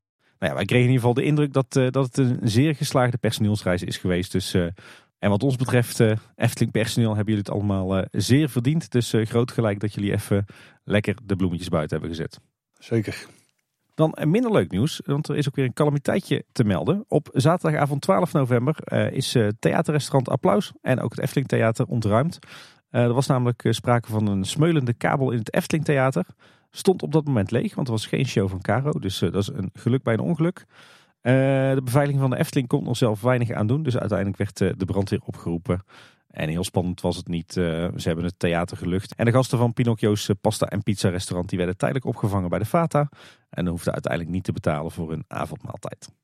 Desling heeft zelf een interview online gezet met Sander de Bruin over zijn ontwerp voor het lichtkunstwerk wat op Globus gepresenteerd. Met al die vlinders heb je waarschijnlijk ook wel wat dingen van zien langskomen. Het lees op het Efteling blog. En daar eh, vind je ook meer informatie over die vlinders zelf. En eh, wat de ontwerptekeningen en foto's van hoe het uiteindelijk eh, ja, tentoongesteld is. Nou, heel mooi. Ik ben benieuwd of we die vlinders ook nog terug gaan zien in de Efteling. Het zou misschien wel mooi op het, het Harthof passen op een zomeravond of in de winter. Ja, dus passen wel bij die Harthofvlinders. Hè? Nou. Ik weet niet helemaal hoe het bij Glow werkt. Is het ook iets wat we dan het jaar later weer gaan hergebruiken daar? Ja, ik zou zeggen van wel. Dan moeten we misschien niet altijd hard nee. hopen of in ieder geval nee. vanuit gaan. En ook wel uniek, er is nieuw audiomateriaal opgedoken. Een radioverslag van de opening van het Lavelaar bij de Eindhovense regionale verplegingsomroep. Waarschijnlijk eh, in een van de verpleeghuizen dan of zo. Ja, ik weet ook niet. Uh, onder andere met interviews met Tom van der Ven en Paul Beck. Dat is wel Kijk, tof. Schitterend materiaal. Ja. Linkje in de show notes. En dan staat om nog even in de periferie van Efteling te gaan kijken, want daar zijn ook nog wat interessante dingen gebeurd. Hè? Ja, we gaan het toch weer even over het spookslot hebben. Want de gemeenteraad van onze gemeente heeft het, uh, het college opdracht gegeven om een nieuw monumenten- en erfgoedbeleid te maken. En de sloop van het spookslot blijkt daarbij uh, de directe aanleiding te zijn. Kees Grootswagers van het CDA uh, is initiatiefnemer van dit voorstel. we kennen hem natuurlijk vanuit aflevering 260 van Kleine Boodschap, hè, waarin we de verweven historie van Kaatsheuvel en Efteling bespraken. En een van die onderdelen van dat nieuwe beleid zou een bepaalde voorbescherming moeten zijn. En dat betekent dat het dus niet meer zo kan zijn dat als uh, de gemeente zich buigt over of een pand monumentaal is of niet, dat je dan toch alvast kunt gaan slopen. Iets wat nu natuurlijk wel bij het spookslot aan de hand is. Uh, als die voorbescherming er is, dan uh, is dat niet meer mogelijk. Er zullen ook voor objecten in de Efteling gelden? Ja. Dus het, het hele gedoe rond het spookslot heeft toch een staartje gekregen. Het was toch zo dat het objecten moeten zijn die zichtbaar zijn vanaf de openbare weg of zoiets, dit en dat? Ja goed, dat, dat, dat soort details die komen dus in dit beleid te staan. Daar ben ik wel heel benieuwd naar, want je, je bent wel gewoon... Ik vind het nog steeds wel vreemd, maar die discussie hebben we al vaak zat gevoerd. Nou, als je dingen niet gaat bouwen, Tim, dan hoef je ze ook niet te slopen. En nee. uh, daar is hier misschien wel wat toepassing, want er, er, is namelijk een plan voor een groot hotel in de Horst. ligt al een hele tijd stil. Dat zouden die kasteeltorens uh, gaan zijn. Hè. En gaat mogelijk helemaal niet door. En stikstof lijkt daarbij het grootste probleem te zijn ontwikkelaar die uh, geeft eigenlijk geen commentaar op vragen die erover worden gesteld. En de gemeente die geeft aan ook al heel lang niks meer van die ontwikkelaar gehoord te hebben. Het lijkt erop dat dit in een stille dood is gestorven. Ja, dat uh, zal dure grond zijn voor uh, die projectontwikkelaar waar die uiteindelijk weinig mee kan. Ja, hij kan het weer doorverkopen en dan hopen dat iemand anders iets op wil ontwikkelen. Ja, ik denk met al het gedoe rond stikstof en Loons en Duinen dat je hier hooguit een paar dure woningen op kunt bouwen. Maar goed, dat betekent in ieder geval uh, dat, uh, dat het Guesthouse Hotel in Kaatsheuvel en uh, wellicht ook de Efteling zelf opgelucht adem kunnen halen. Want dit was toch wel voorzien als grote concurrent van de hotels en resorts in de regio. Zou het een interessant stuk grond zijn voor de Efteling om zelf te kopen? Hmm. Nee, want je, je, je kan hier bijna niks, dus waarom zou je het dan kopen? Een paar luxe villa's erop die je echt voor extreem veel geld wegzet. waarom zou de Efteling dat gaan doen? Efteling is geen vastgoedontwikkelaar hè? Nee, die gaan ze niet verkopen, die gaan ze verhuren. Oh, zo. Topsegment uh, verblijfsaccommodatie. Op een hele vreemde plek dan. Dat is een beetje het enige wat het zeggen. ik, uh, ik zou hier gewoon een paar dure woningen neerzetten. Nou, dan uh, moet je het gauw kopen en gaan ontwikkelen, Tim. Dat past niet binnen mijn budget. dat is jammer. Toch minder... minder vaak naar de Efteling. Toch minder ja. latte macchiato's moeten kopen. Ja, precies. Um, we kennen allemaal wel die felgroene elektrische deelscooters van GoSharing. Die hebben een hele tijd hier rondgereden in Waalwijk en Loon op Zand. Maar die gaan daar beide uit verdwijnen bleek niet rendabel te zijn voor zo'n kleine locatie. En die scooters die werden ook nogal vaak beschadigd en vernield. Ik weet niet hoe uniek dat voor Loon op Zand is trouwens. Waar ik me dan afvraag is, hoe zit het nou met diegenen die ze voor de Efteling hadden gereserveerd? Of waren er vooral fietsen? Er waren fietsen, elektrische fietsen. En die blijven wel? Dat weet ik niet. Dat was ook een proef hè? Nou, dan ben, ik, dan ben ik toch wel benieuwd naar. Hey, en uh, goed nieuws voor de Efteling, of eigenlijk voor de, de gasten van de Efteling. Want de toeristenbelasting in onze gemeente die gaat in 2023 alsnog omlaag. Dat was al beloofd, dat als het beter ging met uh, de financiën van de gemeente, dat de toeristenbelasting weer omlaag kon. De verantwoordelijke wethouder die had in eerste instantie gezegd uh, dat nog niet te willen doen. Want ja, ze wilden een reserve opbouwen, maar de raad heeft er nu op aangedrongen dat ja, afspraak, afspraak is. En dus gaat de belasting alsnog omlaag. En dat merken we dus vooral in de ticketprijzen. Uh, nee, dat merk je eigenlijk alleen in de overnachtingen op uh, de hotels en resorts van Efteling. Oh ja, tuurlijk. Dus wij als bezoeker gaan daar niet heel veel van merken. Nee. Ja, jij en ik niet, maar bezoekers, die, eh, en bezoekers en luisteraars die natuurlijk vaak op eh, Bosrijk of het Loonse Land slapen of in het hotel, die wel. Kijk. Hey, we gaan eens wat de reacties van luisteraars behandelen, Tim. Het is weer tijd voor. We kregen een mail van Thomas Egelmeer en die schrijft... Hey Paul, maar vooral Tim. Het Huis van de Vijf Zintuigen opende natuurlijk een aantal jaar eerder dan de Pardoespromenade. Nu zijn er op FTpedia wel enkele foto's te vinden... maar ik kan me geen voorstelling maken van hoe die situatie na het toenmalige dwarrelplein eruit zag. Hoe liep je toen exact het park in en welke kanten kon je op na het verlaten van het dwarrelplein? Ik verwacht dat Tim dit exact kan vertellen. Het enige wat ik nu weet is dat er heel veel bomen stonden. Dat weet ik ook nog wel, eh, Thomas. Alvast dank voor jullie hulp. Hartelijke groet, Thomas. Hier heb ik zin in. Nou, vertel Tim. Neem ons eens mee. Want ik, ik denk eh, dat jij dit ook nog wel weet, toch? Want het zijn ook jouw, eh, jouw kinderjaren in de Efteling, toch? Ja, maar ik moet zeggen dat dit stukje ik niet zo heel goed meer weet. Volgens mij liep wel een pad over een deel van de Pardoespromenade. Ja, zal, ik je... Ja, nou, Zal ik hem overpakken? Ja, ja, doe maar. Nou, je moet je voorstellen, het Huis van de Vijf Zintuigen en het Dwarrelplein zagen er eigenlijk eh, ongeveer hetzelfde uit als een paar jaar terug. Dan stak je het spoor over via een iets eh, smallere spoorwegovergang dan hoe we het de afgelopen tijd kenden. Ja, en dan kom je eigenlijk terecht op een soort voorloper van eh, de Pardoespromenade. Alleen was dat gewoon een, eh, ja, gewoon een standaard asfaltpad zoals we die nog een paar hebben in de Efteling. Niet al te breed, met eh, links en rechts van dat asfaltpad direct aan het pad een heleboel bomen. Echt een enorm bos waar je doorheen liep. Met, met links op afstand natuurlijk het Sprookjesbos en rechts toen nog de Bob. Het was echt, ja, echt een bos waar je in, in rondliep. En ook boven dat pad zelf had je een enorm bladerdek. Dus je liep daar altijd heel erg beschut tegen de zon. Daar stond eigenlijk niet heel veel aan. Gewoon een paar van die, die standaard groene eh, lantaarnpaaltjes. Op een gegeven moment verschenen er wel wat masten met wat, wat vaandels en zo. Maar verder was dat ja, gewoon een bospad. Je kon toen al wel eh, direct naar de spoorwegovergang links het Sprookjesbos in en rechts eh, de Steenboklaan op richting ja, wat toen nog de Steenbok was. En, maar ja, goed, even terug naar de voorloper van de Pardoe- Pardoespromenade. Dat was eigenlijk gewoon een, een vrij recht pad richting het Spookslot. Je had eh, alleen op de plek van waar je nu ongeveer de ingang van het, eh, het Fabula restaurant vindt, hè, die grote rotspartij, daar had je een, eh, een heel mooi pinhuisje. Dat was eigenlijk een heel ja, schattig pieks huisje. met stukwerk, met scheurtjes erin en dakpannetjes erop. En waar een betaalautomaat in zat. Hè, dus daar kon je je, je cash pinnen. Dat was in die jaren natuurlijk heel belangrijk. Dat zag er prachtig uit eigenlijk voor zo'n huisje. En ietsje verderop, ongeveer ter hoogte van de achterkant van Koogloog, stond toen het korfje. Het, eh, het winkeltje dat we nu natuurlijk vinden in eh, het Kleuterhof. En daar kon je toen eh, koffie kopen en snoep en ijsjes. Dat, dat ken je wel. Dus dat was het, het eerste horecapuntje wat je tegenkwam. Dan had je op een gegeven moment aan je rechterhand een asfaltpad richting het voorplein van het Spookslot. Je kon toen niet recht doorlopen zoals je nu, zoals je nu richting Symbolica loopt. Maar het pad boog dan eigenlijk heel flauw af naar links. En voor je had je dan op zich wel een heel erg bijzonder plekje. Ongeveer op de plek waar je nu ja, zeg maar de watertafel en Polles keuken vindt. En Paul, die herinner jij je volgens mij wel nog hè? Ja, zeker. Dat was die eh, gazebo, hè? Ja. Die, daar stond die overkapping een beetje op zo'n heuveltje. eh, met wat groen er ook voor. Daar moest je echt met de pad een beetje omheen lopen. En dan kwam je eruit. Kon je onder die overkapping zitten. En dan weer naar beneden. Ja, veel meer dan dat was het niet. Maar het was een, een beetje... Dat was echt een siertuin hè? Er stonden ook heel veel, eh, heel veel bloemen in altijd. Ja, maar wat ik wilde zeggen is dat het een soort van een dwangmatigheid was van mezelf. Dat ik er altijd even naartoe moest rennen als we uit het spookslot kwamen. Ja. Of tenminste vanuit het spookslot eh, richting Sprookjesbos liepen. Was, was echt zo'n rustpuntje in het park hè? Ja, ja, Heel mooi. En, en achter dat, zeg maar dat, dat houten huisje, daar, daar lag een, ja, een soort hoge grondwal met erop ook bos. Want daarachter lag het circusveld. En eh, het circusveld kun je nu nog wel een klein beetje herkennen. Want eh, de brink die daar later kwam te liggen en ook nu het Harthof, die heeft nog steeds een beetje die ovale vorm die dat circusveld ook had. En die ovale vorm komt dan waarschijnlijk weer voort uit de wielerbaan die daar in de jaren dertig ooit eh, zat. Maar dat was een ander verhaal. Maar goed, je had dus, dus voor je dan nog dat, dat, die mooie siertuin. En dan boog je zo'n beetje naar links af. En dan kwam je eigenlijk terecht op de Dioramalaan. En we vinden nu natuurlijk nog een heel klein restantje van die Dioramalaan. Ja, een beetje tussen die nieuwe ingang van het Sprookjesbos en de zijkant van het Diorama. En dan liep je eigenlijk over een asfaltpad. Ja, zoetjes aan naar beneden richting eh, wat toen nog het Westerpark heette en nu het Marenrijk is. Dan had je op een gegeven moment aan je rechterhand, ongeveer op de plek waar nu rondje van de molen ligt, had je nog een asfaltpaadje het bos in, wat eh, met een hele scherpe bocht naar rechts het bos in verdween. En dat was dan de toegang tot dat circusveld, wat eigenlijk een, eh, een heel groot grasveld was, wat omzoomd werd door, eh, door grondwallen en, en heuvels met erop heel veel bomen. Nou, daar had je dus allerlei voorstellingen in, in de zomers.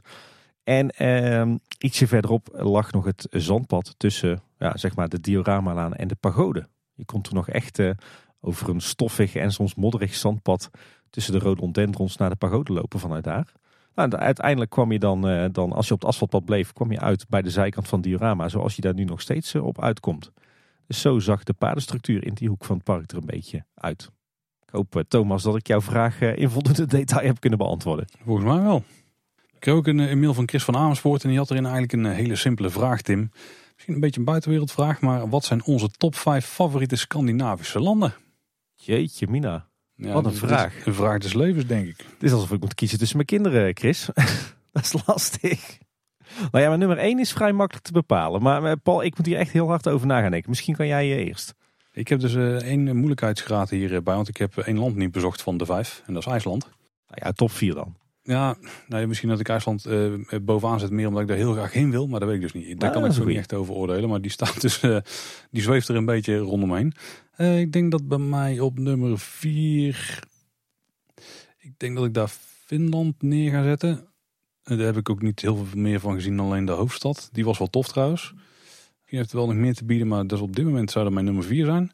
Mijn nummer drie zou denk ik, denk Denemarken zijn. Maar dat heeft met name te maken omdat op nummer 2 dan Zweden zou staan. Vooral vanwege Stockholm en Göteborg. Eh, maar daar heb ik verder niet zo heel veel... Ja, daar heb ik wel vrij veel van gezien. Maar daar was ik niet zo onder indruk. Maar die twee steden wel. Die twee steden waren echt heel tof. Eh, dus die doen het wel stijgen. Ja, Denemarken is ook wel heel tof. Dus die staan wel...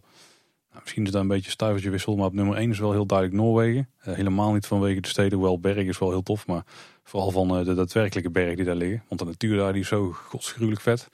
Ja, dat is echt gewoon eh, geniaal. En daar heb ik bij die andere landen niet zo gezien. Dus dat, dat is mijn top 4. Waarbij 2 en 3 dus eigenlijk. Nou, die kun je wel omdraaien afhankelijk van welk moment van de dag je me wakker maakt. Oké, oké, oké. Ja, goede, goede toplijst, Paul. Ja, ik moet dan toch een knoop gaan doorhakken. Ja, ik zit er een beetje mee. Waar kijk ik nou naar? Want als ik kijk naar alleen natuurschoon, ja, dan zou bij mij ook Noorwegen heel hoog eh, eindigen. Naast, naast IJsland trouwens. Ja, ik wil ook wel een beetje naar het totaalpakketje kijken. Hè? Ook naar de, de steden die ik er heb bezocht. Maar ook naar de, de mensen, de cultuur, de, eh, ook misschien wel de series en de films en de muziek. Eh, ja, weet je, het, het is zoveel Zo meer. heel breed kijken. Ja, ja, ja. Ik denk dat ik dat toch maar moet gaan doen. Eh, nou ja, op één met stip op één staat natuurlijk bij mij Zweden. Absoluut mijn favoriete Scandinavische land. Gewoon het allermooiste land ter wereld. Alles is daar mooi. Het natuur is schoon, de steden, de mensen, de cultuur. Ja, Zweden is gewoon het beloofde land voor mij. Maar goed, dat zal niemand verrassen. Ja, op twee vind ik heel lastig. Ik denk dat ik dan toch ga voor Denemarken. Niet, absoluut niet vanwege het natuurschoon, want wat dat betreft is eh, Denemarken een beetje anticlimax. Alhoewel, je hebt er ook mooie plekjes, maar goed. Maar ik vind Kopenhagen wel echt een super vette stad. En ik ben ook dol op de Denen en de Deense cultuur en eh, de Deense series en films. En ja, Denemarken voelt toch ook wel een klein beetje als tweede thuis hoor. Ja, op drie dan toch IJsland. IJsland ben ik dan, eh, dan maar één keer geweest. Dus in die zin heb ik er, heb ik er een, eh, misschien een minder sterke band mee dan, dan Denemarken en Zweden. Maar ja, IJsland is gewoon prachtig qua natuurschoon, qua desolaatheid. Maar ook de cultuur is zo anders, de taal is zo anders. Overal zitten verhalen en legendes achter. Ja, IJsland is ook echt ongelooflijk tof. Ehm, op vier dan denk ik toch Finland. Ehm, ook wel een heel bijzonder land. Sowieso heel mooi. Helsinki is ook echt een prachtige stad. Maar ja, Finland is ook een beetje de, de odd one out in Scandinavië. Hè? Want ze, ze neigen. eh, Ze hebben, je hebt natuurlijk de Finse cultuur daar. Maar ze hebben ook nog heel veel met Zweden vanuit de historie. Maar ze neigen ook heel erg naar Rusland. En daardoor heb je daar een hele mooie mix van ja, culturen. En de, Finnen zijn ook gewoon een heel bijzonder volkje. Ik moet dan meteen denken aan de Finse stilte bijvoorbeeld. Dus ja, Finland is ook wel echt heel gaaf. Taal is trouwens ook heel, heel top. Ja, Noorwegen eindigt dan bij mij op vijf. Terwijl, ja, Noorwegen is op zichzelf natuurlijk qua natuurschoon wel een heel mooi land. Maar ja, misschien omdat ze ja, gewoon heel basic Scandinavisch zijn of zo. Dat ze verder niet echt ergens heel erg in uitblinken of afwijken of zo. Het is gewoon heel erg gemiddeld Scandinavië eigenlijk, Noorwegen, vind ik. Oh ja, ja, ligt er wat je gemiddeld ziet. Ik bedoel, qua levensstandaard en prijzen en dat soort zaken. Oslo vond ik trouwens wel een klein beetje tegenvallen, zeker Ja. qua wat er te doen is. Bergen vond ik daarte- daarentegen wel echt een super gave stad. Ja, van de hoofdsteden is Oslo wel ver uit de zuster van heel Ja, Scandinavië. ja, ja, eens. Dus, eh, dus ja, bij mij één Zweden, twee Denemarken, drie IJsland, vier Finland, vijf Noorwegen. Kijk, nou eh, Chris, ik weet niet wat je ermee wilt doen, maar eh, hopelijk heb je er iets aan.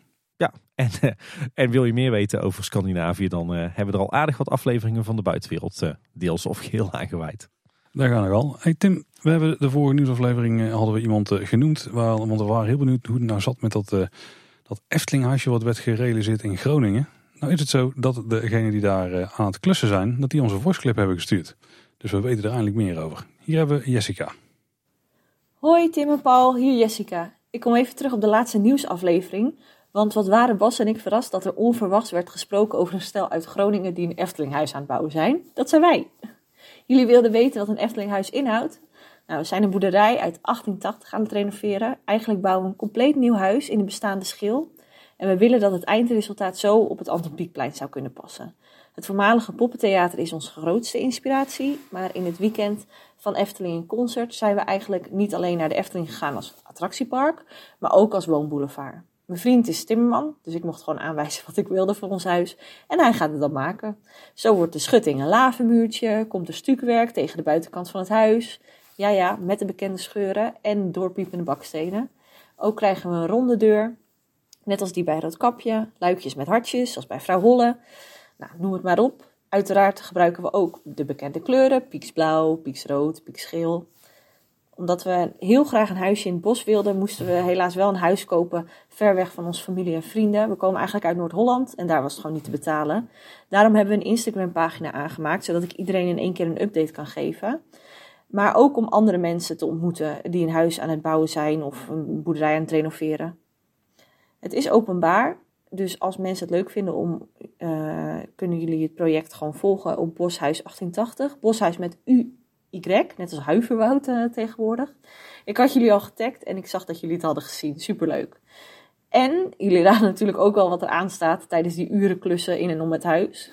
Kleine boodschap. Ga zo door, heren. De urenklussen vliegen op deze manier voorbij. Dankjewel. Hulde, hulde voor uh, Jessica en haar, uh, haar vriend de Timmerman. Echt diep respect voor het project waar jullie aan begonnen zijn. Ja, en ik volg hun pagina al, dus ik kan alle updates in de gaten houden. En ja, de moodboards staan er ook op. Dus als je een beetje wil kijken welke inspiraties ze hebben opgedaan in de Efteling, dan kun je het gewoon op hun Instagram pagina vinden. Ik, ik zou willen dat ik het uh, zou kunnen, maar ik ben absoluut geen goede klusser. Oh, ik dacht überhaupt op Instagram iets bekijken. dat ook, dat ook, Paul.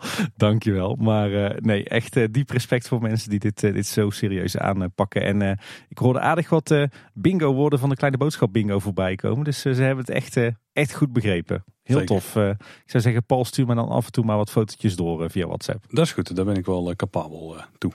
Hey Tim, we krijgen af en toe mooie voice clips. We hebben deze aflevering trouwens sowieso al veel gehad. En we hebben er nog een paar in de backup liggen voor de komende aflevering. Kun je nagaan. Maar Ruben van Barneveld die had een, een idee en dat wil hij met ons delen. En dat doet hij met een echte uitstekende voice clip. Beste heren, er moet me iets van het hart. Velen hebben al gesproken over het staal met een verhaal van de baron. En natuurlijk van het staal zonder verhaal van de Python. Echter, er is een verhaal dat, als je het mij vraagt, bijzonder goed past bij de witte kronkelingen van deze klassieke attractie. Sta mij toe, heren, dat ik jullie meeneem naar de klassieke oudheid en de wereld van de Griekse mythologie. Na de zondvloed was de aarde bedekt onder een dikke laag oermodder waaruit de meest verschrikkelijke monsters werden geboren. De grootste en meest monsterlijke van deze wezens was de mijlenlange slang genaamd, jawel, Python. Haar schubben glinsterden gifgroen in het zonlicht, haar tanden waren lang als speren en als ze ademde braakte ze giftige gassen uit. Ze maakte zich gemakkelijk in het heiligdom van de Griekse plaats Delphi, waar de mythische Omphalossteen lag. Vergeef me deze omweg, maar de Omphalossteen was enorm belangrijk geweest voor de koning der goden, Zeus, de dondergod. De vader van Zeus, Kronos, de voormalige koning der goden, doodsbang dat zijn kinderen hem van de troon zouden stoten, had elk van zijn kinderen verzwolgen. Toen Zeus, de jongste van zijn kinderen, werd geboren echter, overhandigde Kronos vrouw hem niet een kind, maar een in doeken gewikkelde steen, welke later door de op wraak beluste Zeus samen met zijn broers en zussen uit de maag van zijn vader bevrijd werd. Afijn. De steen werd door de Delphiërs vereerd, maar het ding werd door Python bewaakt alsof het haar ei was. En geen sterveling durfde ook maar in de buurt van het monster te komen.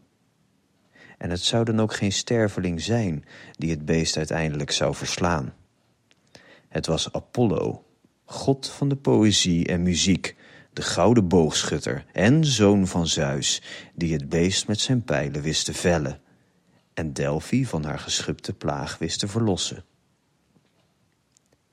Op de plek waar de reuzenslang viel, werd de tempel van Apollo gesticht, waar het orakel, bedwelmd door de giftige gassen van de dode Python, de boodschappen van Apollo aan zijn vereerders overbracht. En stel je nu eens voor dat bezoekers van de Efteling de mythische Omphalossteen en het orakel van Delphi kunnen bezoeken in de grote tempel van Apollo, omringd door het gigantische geraamte van Python. Staal zonder verhaal? Hmm.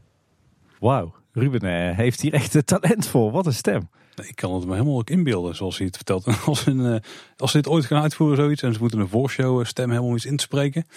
Ik denk dat ze niet heel veel hoeven te zoeken. Ruben is een soort eh, hedendaagse Tom van Beek eigenlijk hè. Sowieso ook een, een goed verhaal en goed gebracht. Ja, het past inderdaad perfect bij eh, de achtbaan Python, denk ik. Ik denk dat het ook zeker een hele toffe attractie zou zijn. Hè? De achtbaan gecombineerd met, eh, met eh, ja, toch een beetje een Griekse omgeving met een tempel. Eén probleem. Ik zie zo'n Grieks themagebied nou niet helemaal daar in die hoek van het Ruigrijk passen eigenlijk. Nee. Maar is dat natuurlijk wel een beetje een rommeltje. En je hebt natuurlijk heel veel rond de VOC. Hè? Vliegende Hollander, Halve Maan, Station de Oost. Joris en de Draak is dan een beetje de odd one out. Maar ik ben bang dat Griekse tempels en zuilen en marmeren beelden... dat die daar toch een beetje gaan detoneren. Ja, of je moet misschien verstoppen aan de achterkant van het gebouw of zo. Maar ja, dat is natuurlijk niet echt wat je wil. Maar al, al met al, het verhaal heeft zeker potentie. Ja. Absoluut. Tof, eh, tof concept, Ruben. Dankjewel. We gaan maar richting het eind van de aflevering, Tim. Maar niet voordat we nog een hoop en dan nog ditjes hebben besproken. Nee, en jij, hebt, eh, jij bent lekker aan het klussen geweest, begreep ik hè? Uiteindelijk ging het vrij vlot. Eh, de vorige nieuwsaflevering toen melden we al dat we dus met het limiet zitten van 300 afleveringen in onze podcastfeed. Dus als je in je podcast app kijkt, dan kun je daar eh, een aantal van de eerste afleveringen nu niet meer vinden. Want die vallen ja, in principe aan de achterkant er weer vanaf. Want we hebben dus maar 300 items in onze feed zitten. Zijn we nog mee over een bakkeleiden met, uh, met degene achter de, de club die achter onze website zit. Dat is Squarespace overigens, vrij grote tent. Dus het is een beetje lastig om die in beweging te krijgen op dit soort gebieden. Maar ja, ze zijn ook een soort promotor van de podcast wel. Dus je hoopt dat ze dan daar toch enigszins mee meegaan. Jij kan dat, Paul. Ik uh, doe mijn best. En toen zei de vorige keer al, nou, je kunt toch gewoon even googlen naar Kleine Boodschap 1 of weet ik veel wat. Of uh, zoek naar Kleine Boodschap Strookrijk, dan kom je wel bij aflevering 1. Maar toen zei een luisteraar van ja, dat is wel een ingewikkelde manier om daar te komen. Is het niet makkelijker om gewoon een genummerde lijst te hebben van alle afleveringen vanaf 1 naar beneden, zeg maar. Dus, dus, naar, dus van 1 tot en met nou, hoeveel we dan uh, ook hebben op dit moment. En toen ben ik even bij elkaar gaan klikken. En dat doet Squarespace dan weer wel heel goed. En ik heb vrij makkelijk een uh, paginaatje bij elkaar geklikt waarbij je eigenlijk per maand alle afleveringen ziet. Beginnende met december 2017. Voor onze allereerste aflevering. Bijna vijf jaar geleden. Het was alleen uh, niet meer mogelijk om nog een plekje in te richten in het hoofdmenu, want die zit al vrij vol. Dus als je naar kleineboodschap.com gaat, en uh, dan kun je op categorieën klikken. En dan vind je daar een linkje weer naar uh, de lijst. Maar je kunt ook naar kleineboodschap.com slash lijst gaan. En daar vind je dus die, dat overzicht met alle afleveringen vanaf aflevering 1 tot en met 304 op dit moment. En waarbij je gewoon heel makkelijk door kunt klikken naar de afleveringpagina. Ja, voor alle luisteraars die ook uh, oude afleveringen terug willen luisteren. Of zelfs bij het begin beginnen. En uh, we krijgen toch iedere week nog steeds mailtjes van luisteraars die uh, Kleine Boodschap net hebben leren kennen. En die zeggen ik begin gewoon bij één. Ja. We kunnen trouwens ook een trailer maken voor Spotify. Misschien moeten we die nou maar maken en dan zeggen van wil je oude afleveringen luisteren, ga dan daar naartoe. Hmm. Een uitdaging voor ons. Want wij zijn heel slecht in dat soort details fixen. Die aflevering op maandag is wel het belangrijkste. ja. Dat is toch onze core business, hè? Daarom komt volgens mij onze merchandise ook maar niet voor de grond. ja, nou, daar ligt, daar ligt al klaar met het betalingssysteem. Dat is ook een dingetje. uh, Tim, heb jij nog en dan nog ditjes? Ja, ik had wel een leuk en mooi moment uh, afgelopen week. Want op 12 november had ik mijn honderdste bezoekje aan de wereld van Efteling van 2022. Wow, wow, je houdt het gewoon netjes bij nog. Ik hou er netjes bij, hè? Ik heb echt geen idee hoe vaak ik in de Efteling ben geweest. Ja, dat is een van mijn vele slechte eigenschappen. Ik ben nogal van de lijstjes en van het uh, dingen bijhouden. Misschien uh, past dat ook wel bij een, projectleider, maar goed. Maar ik, ik heb voor de gelegenheid, nou toch aan 100 bezoeken zitten, wat leuke statistieken tevoorschijn gehaald. Um, van die 100 bezoeken waren er 77 aan de Efteling zelf, 15 aan Bosrijk, 6 aan het Loonse Land en 4 aan het Efteling Hotel. Dus daar zit toch een aardige component hotels en resorts bij. Belangrijke vraag, Tim. Zitten daar de bezoekjes voor opnames ook tussen? Ja. Ah, oké, oké. Ja, ja, ja. Dat waren er inderdaad ook wel een aantal. Eh, gelukkig maar, want daar worden wij heel vrolijk van.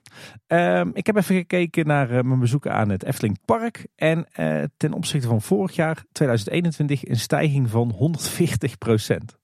Ja, oké. Toen was hij ook een tijdje dicht. Nou ja, begin dit jaar ook natuurlijk. Ja. Maar dat was een heel jaar. En we zitten nu nog niet... We hebben nog anderhalve maand te gaan voor jouw statistieken. Precies, ik had in 2021 eh, maar 32 bezoekjes en nu al 77. Zo. Ik zit nu, eh, als je de wereld van Efteling meetelt, zit ik aan eh, ruim twee bezoeken per week. Dus dat komt wel overeen met wat ik hier en daar wel eens in de media roep. Ik heb ook gekeken wat ik heb uitgegeven dit jaar. Even los van betaling aan het abonnement. Eh, we hebben 2300 euro besteed in horeca en 200 euro aan souvenirs. Klinkt misschien heel veel. Aan de andere kant, als je het verdeelt over 100 bezoekjes en vaak met z'n vieren, dan eh, valt het wel mee, toch? Ja, 23 euro gemiddeld dan. hè?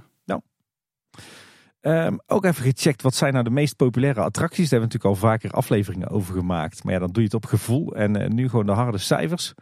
Kijken of er nog verrassingen tussen zitten. Op 1 het Sprookjesbos. 31 keer bezocht dit jaar. Op 2 Carnaval Festival, 27 keer. Zo. Op 3 Droomvlucht met 25 keer.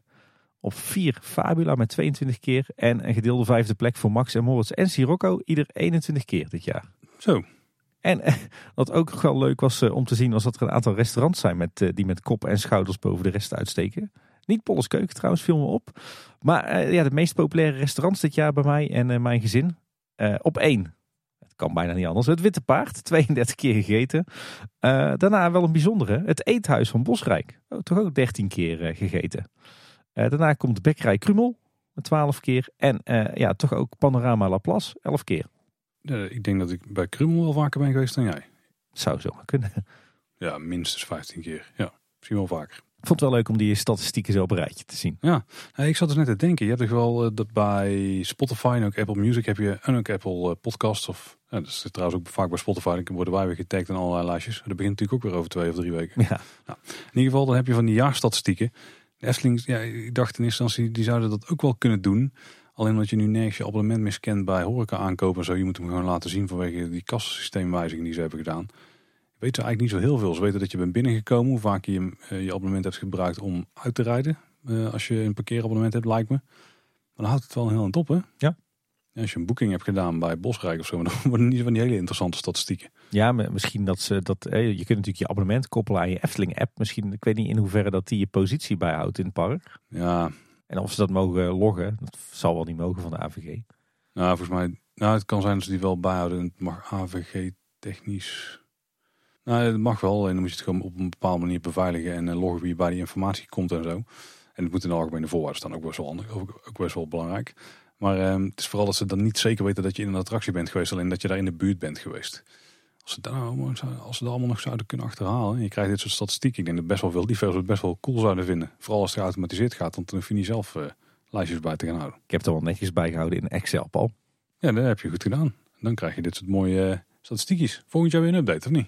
Krijgen we aan het eind van het jaar ook een update. De definitieve Tim Hinsen Efteling statistieken. Wat jij wil. Ik, kan, ik, zit- ik zit, zit eh, ondertussen even op mijn eh, laptopje te kijken. Maar eh, ik zie nu dat ik dit sinds 2000 eh, bijhoud. Dus ik kan de afgelopen 22 jaar terugkijken. Dat is een vette bonusaflevering. Als ik al die, al die spreadsheets naast elkaar weet te zetten, dan komen daar misschien ook best wel wat leuke getallen uit. Ja. Ja, dat is best wel vet. Nou, daar moeten we misschien eens een keer induiken. Helemaal geen tijd voor, maar toch. Naast de, naast de Excel uitpluizen nog andere interessante dingen gedaan, Tim? Ja, veel Efteling natuurlijk, veel Sinterklaas en eh, wat verjaardagen, maar eh, nou, ook nog een paar andere dingetjes. Eh, wat wel leuk was, was dit jaar was weer de, de jaarlijkse Eftelingdag met de basisschool van de oudste. Ja, alle basisschoolkindjes in Kaatsheuvel mogen één keer per jaar gratis naar de Efteling. Dus dat geldt natuurlijk ook voor de basisschool van die van ons. En ik ging ook dit jaar weer mee met groep 3. Krijg dan natuurlijk niet naar mezelf verkocht om niet mee op schoolreis naar de Efteling te gaan. Hè? Dat kan natuurlijk niet. Maar eh, ja, mensen zeggen altijd van, oh, waar beginnen aan? En op pad met, eh, met zo'n groep eh, jonge kinderen en een ellende. En nou, het ging hartstikke, hartstikke soepel. Heerlijke dag gehad. Leuke clubkindjes, leuke club eh, begeleidende ouders. Dus we hebben echt een topdag gehad. En ik heb menig groep drieër over angst voor, voor bepaalde attracties heen geholpen. Dus was eh, tof om te doen. Een hele leuke dag gehad. En we hebben het eh, kinderfeestje van eh, de oudste dochter gevierd in de Oliemeulen in Tilburg. Het reptielenhuis en dierenparkje. Lekker van het Kaatsheuvel met de bus naartoe. Was voor veel van de uitgenodigde kindjes ook de allereerste keer dat ze in een bus zaten. Dus dat was op zichzelf al een heel avontuur. En heerlijk, uh, heel leuk in de watten gelegd bij de oliemeulen met een speurtocht en een aantal demonstraties en ijsje, frietjes. Je kent dat wel. Een, echt een hele toffe middag gehad. Ja, en natuurlijk recent ook naar de lichtjesintocht van Sinterklaas geweest hier in Kaatsheuvel. En dat is toch tegenwoordig wel een event, want ja, Sinterklaas komt natuurlijk overal aan in de regio. Maar alleen in Kaatsheuvel doet hij dat s'avonds. En omdat het natuurlijk december is, is dat in het pikken donker. En ja, is het eigenlijk een soort optocht met een heleboel lampjes.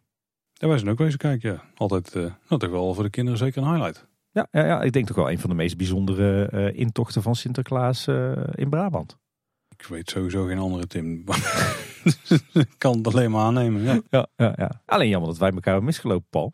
We stonden beide aan een ander uiterste van de route volgens mij. Ja, ik eh, voel dat de afstand tussen ons groot is.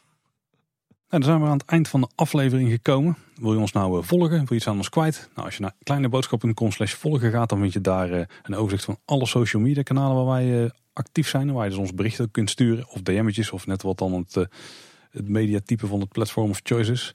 Maar je kunt ook naar kleineboodschap.com gaan en naar ons contactformuliertje gaan om daar een, een berichtje te sturen. En als je nou echt een lang verhaal wil sturen of je wilt bijvoorbeeld een voiceclip meesturen, dan e-mail je naar info.kleineboodschap.com. En dat werkt, eh, getuigen het eh, aantal voice clips wat nou, we weer eh, hebben mogen ontvangen. Heel tof. Uh, verder is kleineboodschap.com dus onze website. En daar vind je eigenlijk alles. Daar kan je al onze 304 afleveringen beluisteren. Daar vind je ook alle show notes. Daar vind je alle afleveringen van onze andere podcast, De Buitenwereld. En al onze avontuurtjes buiten de deur. Dus uh, ga vooral naar kleineboodschap.com. En als je ons nou in een podcast app zorgt dan dat je je abonneert, dan mis je geen enkele aflevering. Behalve de eerste vier op dit moment. ja, dat is waar. dat moeten we even aanpassen in geen ons hoofd. Geen enkele nieuwe aflevering. Nee, nee, nee zeker. En uh, volg eh, de buitenwereld daar ook als een, uh, een aparte podcast. En we zijn natuurlijk ook te beluisteren op Spotify. En luister je nou in bepaalde podcast-apps, zoals Spotify of Apple Music, dan kun je ook een review achterlaten. Kunnen we altijd heel erg waarderen. En we hebben eindelijk weer een nieuwe geschreven review op Apple Podcast, Tim. Maar bij Apple Podcast, ik vind het al bijzonder. Die hebben namelijk een, een username die je volgens mij kunt kiezen. Nou, dus in dit geval is het de user Zeurpieter. Oké. Okay. Goede username. Klinkt veelbelovend. Alleen ik vermoed dat Pieter um, zijn halve review heeft geschreven in de titel die ik niet helemaal kan zien. Maar die, die zegt, kom niet zo vaak in de Efteling, maar vindt het toch leuk ik denk dat hij dan wil zeggen, vindt het toch leuk om naar Kleine Boodschap te luisteren of zo? Ja. Iets in die geest zal er staan. En dan is de inhoud van het berichtje, hun enthousiasme is aanstekelijk. Vijf sterren. Bam. Daar doen we het voor. Dankjewel Pieter. Maar buiten een reviewtje in een podcast app, wat dan mensen kan helpen om binnen die app Kleine Boodschap makkelijker te vinden. Kun je het ook altijd erg waarderen als je mond-tot-mond reclame over Kleine Boodschap wil uh, verspreiden. Natuurlijk alleen maar mensen die mogelijk interesse hebben, want ja... Je moet niet, uh, ja, ik wou voorbeelden geven, maar wie weet, misschien zitten er toch Efteling-liefhebbers tussen de mensen die je benadert uh, tussen. Ik heb vandaag toevallig een, uh, een collega die helemaal niks met Efteling heeft, maar die, die laatst vrijwilligerswerk heeft gedaan in Oeganda. Heb ik gewezen op onze vorige aflevering. Ik dacht dat je ging zeggen, die laatste vrijwilligers gaan luisteren. Dat hoop ik wel. nou, in ieder geval, meld het dus aan anderen die mogelijk interesse hebben. Dan, nou, wie weet, breiden we de luisteraarsgroep weer uit. Altijd tof. En je hoeft echt niet per se vanaf aflevering 1 te luisteren hoor. Nee, zeker niet. Dit was in ieder geval weer voor deze week. Bedankt voor het luisteren. Tot de volgende keer. En houdoe. Houdoe waar.